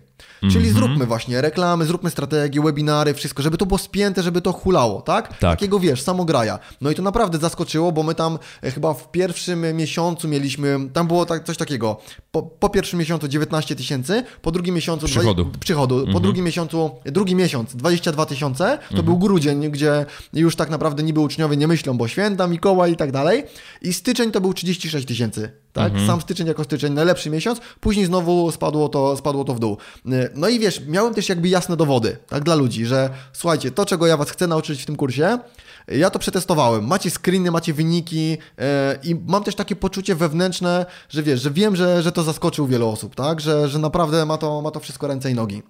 Zrobiliśmy dwa artykuły przed samą kampanią. E, tutaj, wiesz, zerknę sobie, żeby, żeby nie przekręcić tytułu. To było 134, e, przepraszam, e, artykuły, to były 34 rzeczy, które musisz wiedzieć o prowadzeniu firmy, jeśli nie chcesz, żeby rynek cię rozjechał. To była mega kobyła, bardzo długi artykuł i e, gdzieś pod koniec, tak naprawdę w dwóch trzecich tego artykułu była, kom, była komunikacja, że niebawem ruszy kurs na temat strategii. To nawiązywało po prostu, wiesz, do treści. Więc jeżeli y, jesteś zainteresowany, wpisz poniżej Zapisz swojego maila. E, No i tam się chyba zapisało za tym pierwszym razem kilkadziesiąt osób, ale to też wynikało, wiesz, że to, to była naprawdę, naprawdę cegła. Potem zrobiliśmy artykuł na temat pięciu sił Portera. Tam już się zapisało więcej ludzi, e, też na tą, na tą Early Birds. I później już ru- ruszyliśmy z kampanią. Czyli zrobiliśmy materiał wideo, który trochę w ogóle pokazuje, co to jest ta strategia. Ja tam zrobiłem analizę, wiesz, na podstawie e, Canvas, tak? Czyli na podstawie e, Blue Ocean Strategy, e, strategia Błękitnego Oceanu. Zrobiłem, jak IKEA, można powiedzieć, wiesz, wyramowała się z branży meblowej. Co oni zrobili zupełnie inaczej, jak zmienili zasady gry w ogóle na tym rynku meblowym, tak? E, Więc dałem taki przykład. I już wiem, że sam ten przykład dla ludzi to było takie wow, że faktycznie chodzę do Ikei, wiesz, niby widzę te rzeczy, ale dopiero jak to zobaczysz gdzieś tam na, na wykresach, czy, czy y, w przyłożeniu do innych firm, które też działają na tym rynku, no to widać, ile oni mają takich fajnych wyróżników. I to był, to był pierwszy materiał. I też pod tym y, właśnie, jak się robi taki szum, tak? Więc my zrobiliśmy y, na końcu tego materiału, ja powiedziałem, że dostaniesz ode mnie bonusowe wideo, w którym pokażę Ci y, taki sam wykres, ale co my zrobiliśmy w tej naszej odnodze edukacyjnej, tak? Jasne. E, ale zostaw komentarz. Czyli napisz pod spodem też i prosiliśmy ludzi, żeby napisali, co jest nie tak w ich biznesach, czyli nie nazywaliśmy tego problemem, w sensie napisz pod spodem, co jest twoim problemem, tylko napisz, jakie masz teraz wyzwanie. To tak lepiej brzmi, ludzie nie chcą, wiesz, niekoniecznie chcą mówić o, o problemach, tylko napisz, jakie masz wyzwanie w swojej firmie, y, tak co ci nie daje spokoju, z czym nie możesz sobie poradzić. No i mieliśmy prawie 500 komentarzy, więc mnóstwo. No i też zautomatyzowaliśmy ten proces, że ktoś zostawia komentarz, no to... e, Automatycznie tak, otrzymuje dodatkowe wideo. to dostawał dodatkowe, dodatkowe wideo uzupełniające i to się też bardzo ludziom podobało. No i później było, wiesz, drugi materiał, trzeci materiał i później robiliśmy, sprzedaż wystartowała 10 kwietnia, Mhm. e, przy czym tak naprawdę wystartowała. Wysłałem mailing tylko do tej listy Early Birds, czyli tylko do tych, którzy się zapisali e, po... Wyrazili zainteresowanie tak, tak, tak, kursem. że chcą, że, że są zainteresowani, wpisali maila. Do nich wysłaliśmy, to był poniedziałek, godzina 20. Do 23.59 mieliśmy ponad 9 tysięcy. Tak? E, 9400 już, Mhm. było, już było przychodu. E, I na drugi dzień właśnie nie do końca Znaczy musiałbym to jeszcze zmierzyć, bo na drugi dzień z rana wysłałem mailing do swoich klientów, a o 12 do całej reszty bazy. Jak dużo masz bazę, Bartek, teraz? Wiesz co, na ten moment y, osoby związane stricte z liczy się wynik, to jest 55 tysięcy y, mhm. adresów. I y, wiesz, także drugiego dnia też mogły, te sprzedaże już się, Oj, te sprzedaże już się mieszały, tak? Czyli kupili ludzie z Early Birds, no bo ktoś otworzył maila na drugi dzień, tak. Y, kupili klienci, no mhm. i też później ruszyła, ruszyła baza. No to łącznie po pierwszym dniu mieliśmy 44 tysiące. Po mhm. pierwszym dniu, więc już Super. wiedziałem, że będzie, mówię, będzie dobrze, tak? Będzie dobrze, więc wiesz. Y, no i później się zaczęły te raty, wiesz, sprzedaż sobie spadała gdzieś tam pierwszy, drugi dzień, no to, to fajnie. Później wiadomo, że ta dynamika spada. No i tak trochę sami nie wiedzieliśmy, co robić. Czy te raty jednak, wiesz, czy iść, czy, czy robić te raty. Ja tego nie planowałem. To mówię zupełnie szczerze, ja tego nie planowałem.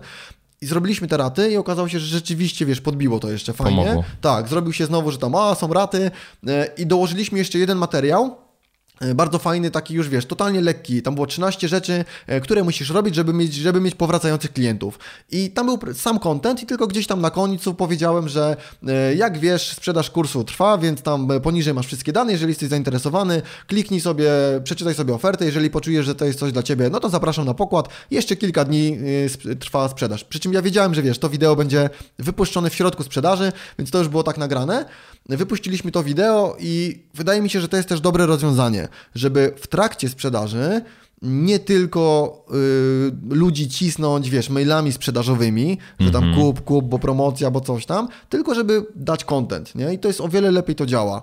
Y, no i rzeczywiście po tym wideo był też taki skok sprzedażowy i później jeszcze był skok sprzedażowy po wprowadzeniu tych rad. No i później w ostatni dzień, w ostatni dzień wysłałem trzy maile. Obawiałem się tego. Czekaj, ile trwała sprzedaż? Od 10 kwietnia do? Do 21, 11 dni. 11 dni. Mhm. Mhm.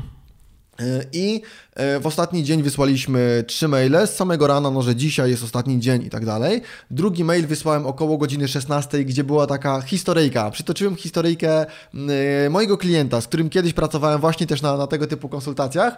Przy czym bardzo ciekawą rzecz też zrobił, ale to jest wiesz osobna historia.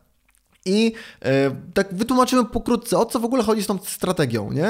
E, I później wysłaliśmy maila o godzinie 20, że zostały 4 godziny, tak? Że, e, I w tym ostatnim mailu e, ja bardzo podkreślałem tą gwarancję też, tak? Że mhm. jest gwarancja, że niczego się nie musisz oba obawiać, po prostu, że to jest tak jakby jazda próbna samochodem, mhm. E, mhm. tak? Więc przetestuj, mhm. sprawdź, jeżeli uznasz, że, że fajny produkt, fajna społeczność, to zostań na pokładzie. Tak. Jeżeli będziesz chciał zwrot pieniędzy, to po prostu oddamy Ci pieniądze, tak? Mhm. I to był ostatni mail tu cały czas, jak rozmawiamy, to mówisz o przychodzie. Czyli mhm. wiemy, jaki został wygenerowany przychód, ale przypuszczam, że w takim projekcie, e, jak liczy się strategia, to też całkiem sporo jest tych kosztów, zwłaszcza jeżeli pracowałeś na ten projekt cały rok. Powiedz, jak wyglądały te koszty? Okej, okay. taka sprawa oczywista, bo też artykuły, materiały, które były w, y, w kampanii, promowaliśmy na Facebooku. Mhm. Za całą suma, suma kosztów reklamy na Facebooku to jest 4000 zł. Mhm. Pozostałe rzeczy, wiesz, sprzęt już miałem. E, tak. Natomiast takie rzeczy jak koszt montażu materiału mhm. plus to, co musiałem zapłacić chłopakom, to łącznie się mieszczę w 5,5 tysiąca złotych. Więc zamknąłem się w 10 tysiącach z kosztami dotyczącymi tylko tego projektu. Twardymi kosztami, mhm. nie licząc kosztów Twojej pracy oczywiście, mhm. nie? Tak jest. E, super, czyli przychód 220, tak prognozowane? 220, tak. tak 220. Tak. 160 pewne, 220 jeżeli raty, mhm. jeżeli raty zostaną zapłacone przy kosztach typu 10 tysięcy, absolutnie super. Absolutnie super.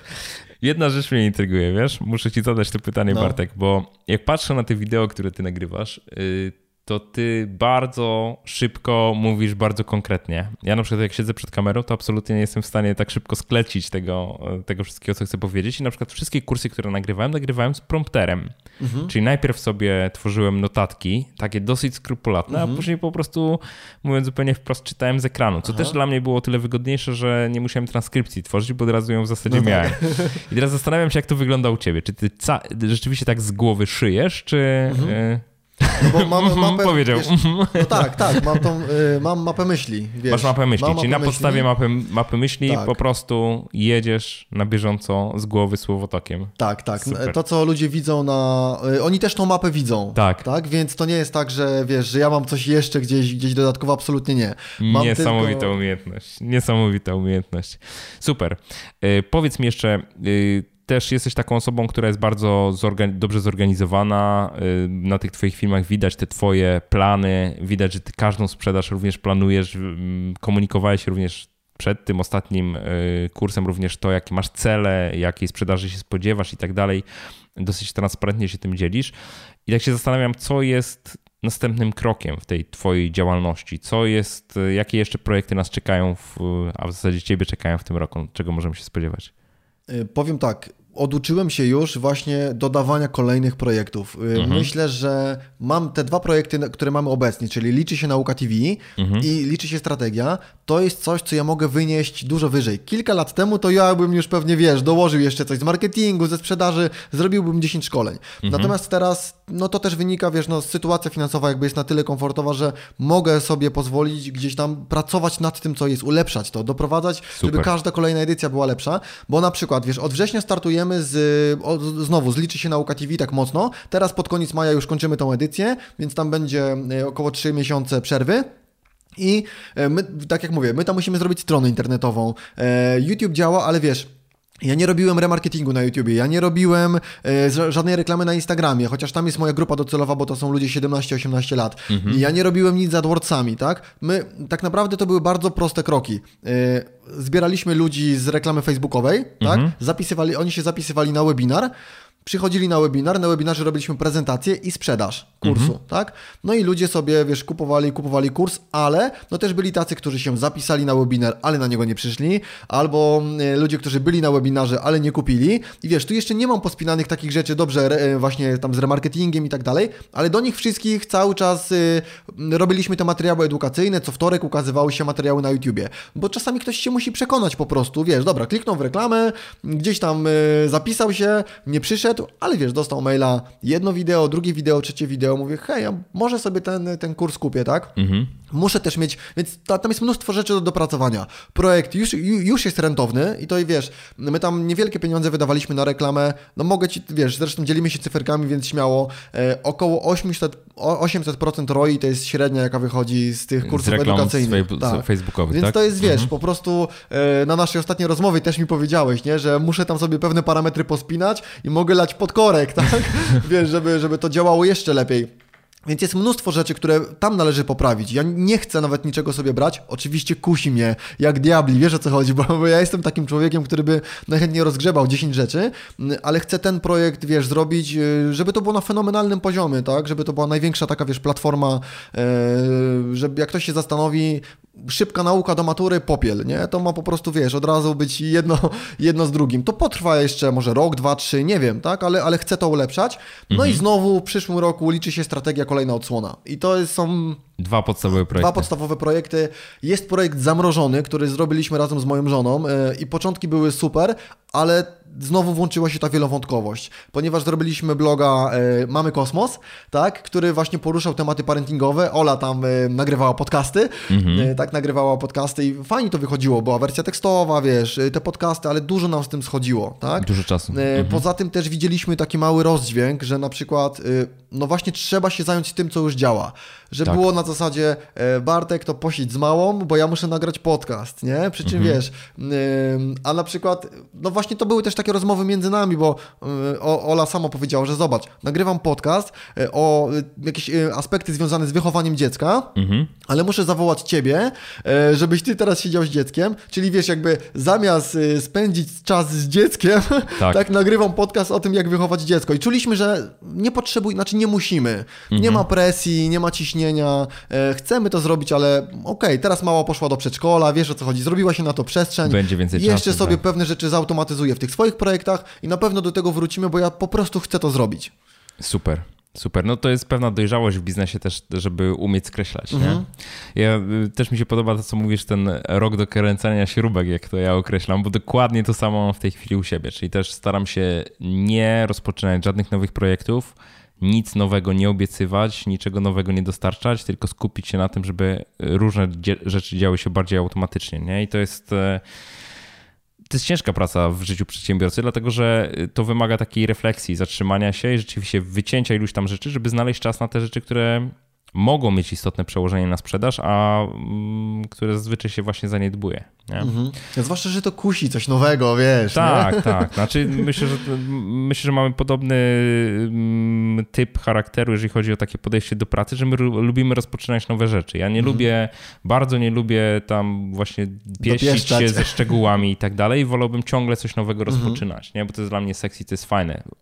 Jakby rozkręcanie mhm. nowych rzeczy, nie? a te stare, no to już tak no nie chce się po prostu, no a trzeba czasami, No ale każda nie? generacja produktu, zobacz, tak jak choćby iPhony, tak? tak? Gdzie wiesz, każdy to jest właśnie no to. Jest to. dopieszczanie. To jest, to jest dopieszczanie, dopieszczanie i wypuszczamy kolejny model, nie? Dopieszczanie i no. maksymalizowanie no. efektów, doskonale procedury właśnie wprowadzania no. produktu na rynek, e, sprzedawania, komunikowania tych nowych cech i tak dalej. No to jest, to jest dokładnie, liczy się strategia, tak?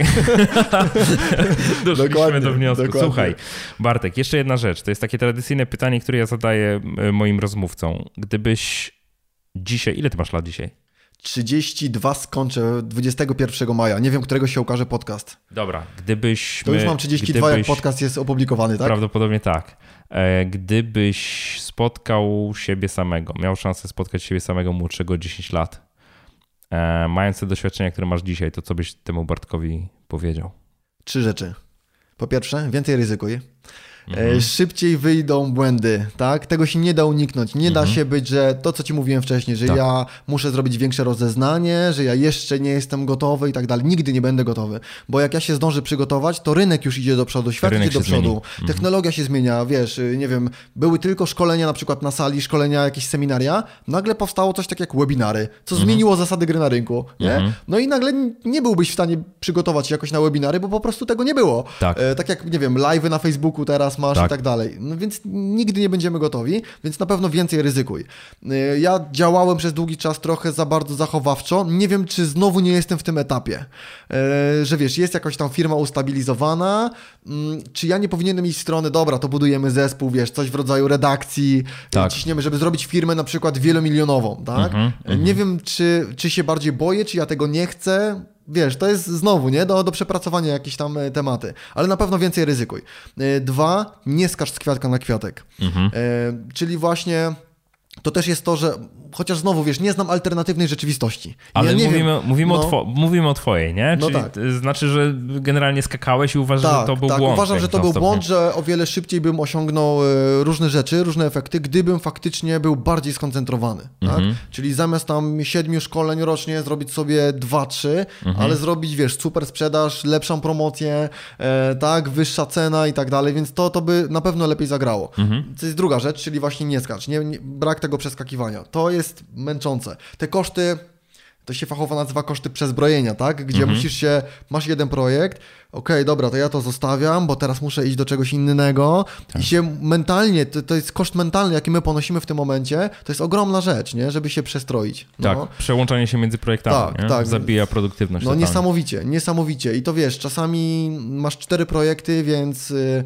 projekt zrobiłbyś w tydzień, tak. normalnie to trwa miesiąc albo i dłużej. Tak. tak. Albo i dłużej. Jeszcze pojawia się frustracja, zmęczenie, nie chce nam się, a nie chce nam się, bo nie widzimy efektów, a nie ma efektów, no bo, bo przeskakujemy. Się bo się rozdrabniamy. Bo się rozdrabniamy, no tak. właśnie. Więc mamy takie błędne koło dziwne, nie? I trzecia rzecz to więcej pokory. E, tak, to też byłem taki, wiesz, ja uważałem, że ja wchodzę w biznes, nie, ja coś tam się pouczyłem, e, ja dostawałem jakieś metodologie, wiesz Michał, dostawałem scenariusze, jak poprowadzić jakąś kampanię, czy jakąś strategię malutką, co mm -hmm. można fajnego zrobić, to ja stwierdziłem, ja to zrobię po swojemu, a nie, to będzie bez sensu, ja to zrobię inaczej. Spokorniałem. Wiesz o co chodzi, że później sobie mówię, dobra, koniec mojego kombinowania, mhm. robię to tak, jak to mi dostarczono i zobaczymy. I rzeczywiście, kiedy zaufałem komuś, oczywiście, mm, tak jak mówię, pewne elementy trzeba przełożyć, nie wszystko da się zrobić jeden do jeden, ale gdzie jednak, wiesz, zaufałem, jak y, coś może być poprowadzone, nagle wow, nie? Wiesz, wystrzał. Czyli żeby takie swoje, y, no po prostu trochę więcej pokory, tak? tak że, że warto tak. jednak się uczyć od innych, nie stawiać się w roli, ja już wszystko wiem, ja już nic nie potrzebuję, ja jestem najmądrzejszy, bo ja znam tego czy tego, czy ja przeczytałem to czy to. E, nie, nie, nie. To myślę, że życie to zweryfikuje i dostaniemy takiego mocnego klapsa, który nas ściągnie na ziemię, prędzej czy później. Tak, to tak, ale też z drugiej strony to jest to, co ty powiedziałeś, że dużo testujesz, nie? Czyli w pewnym sensie y, jakby teraz próbujesz się dowiedzieć, czy te twoje podejrzenia dotyczące tego, jak klienci się zachowują, mhm. czy rzeczywiście to jest, znajdu, ma, ma, ma solidne podstawy, nie? Mhm. Jakby z, z ankietowania i z testowania dokładnie to wynika, nie? Tego no się dokładnie. można nauczyć. Tak, tak. No właśnie choćby taka rzecz, żeby, a kiedyś to bym robił produkty na czuja, mhm. albo właśnie y, tak, takie rzeczy, że wiesz, że no właśnie, robię swój produkt i ja go sprzedaję, no i nagle nikt tego nie chce kupić, to bym robił następny produkt na czuja.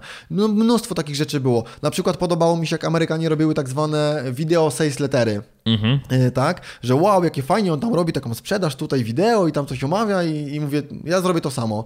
E, I robiłem te wideo sales lettery, przy czym e, każdy mi mówił, w Polsce to nie działa, zrób ofertę tekstową, tak? Mhm, mhm. Może gdzieś ten wideo sales letter być jakimś uzupełnieniem ewentualnie. No i rzeczywiście nie działało i musiałem spokornić, żeby dojrzeć do tego, żeby oferta jednak była dobrze napisana, oferta tekstowa. Tak, tak, super Bartek. Gdzie można znaleźć, przypomnij, informacje o tobie, o Twoich produktach i tak dalej, i tak dalej.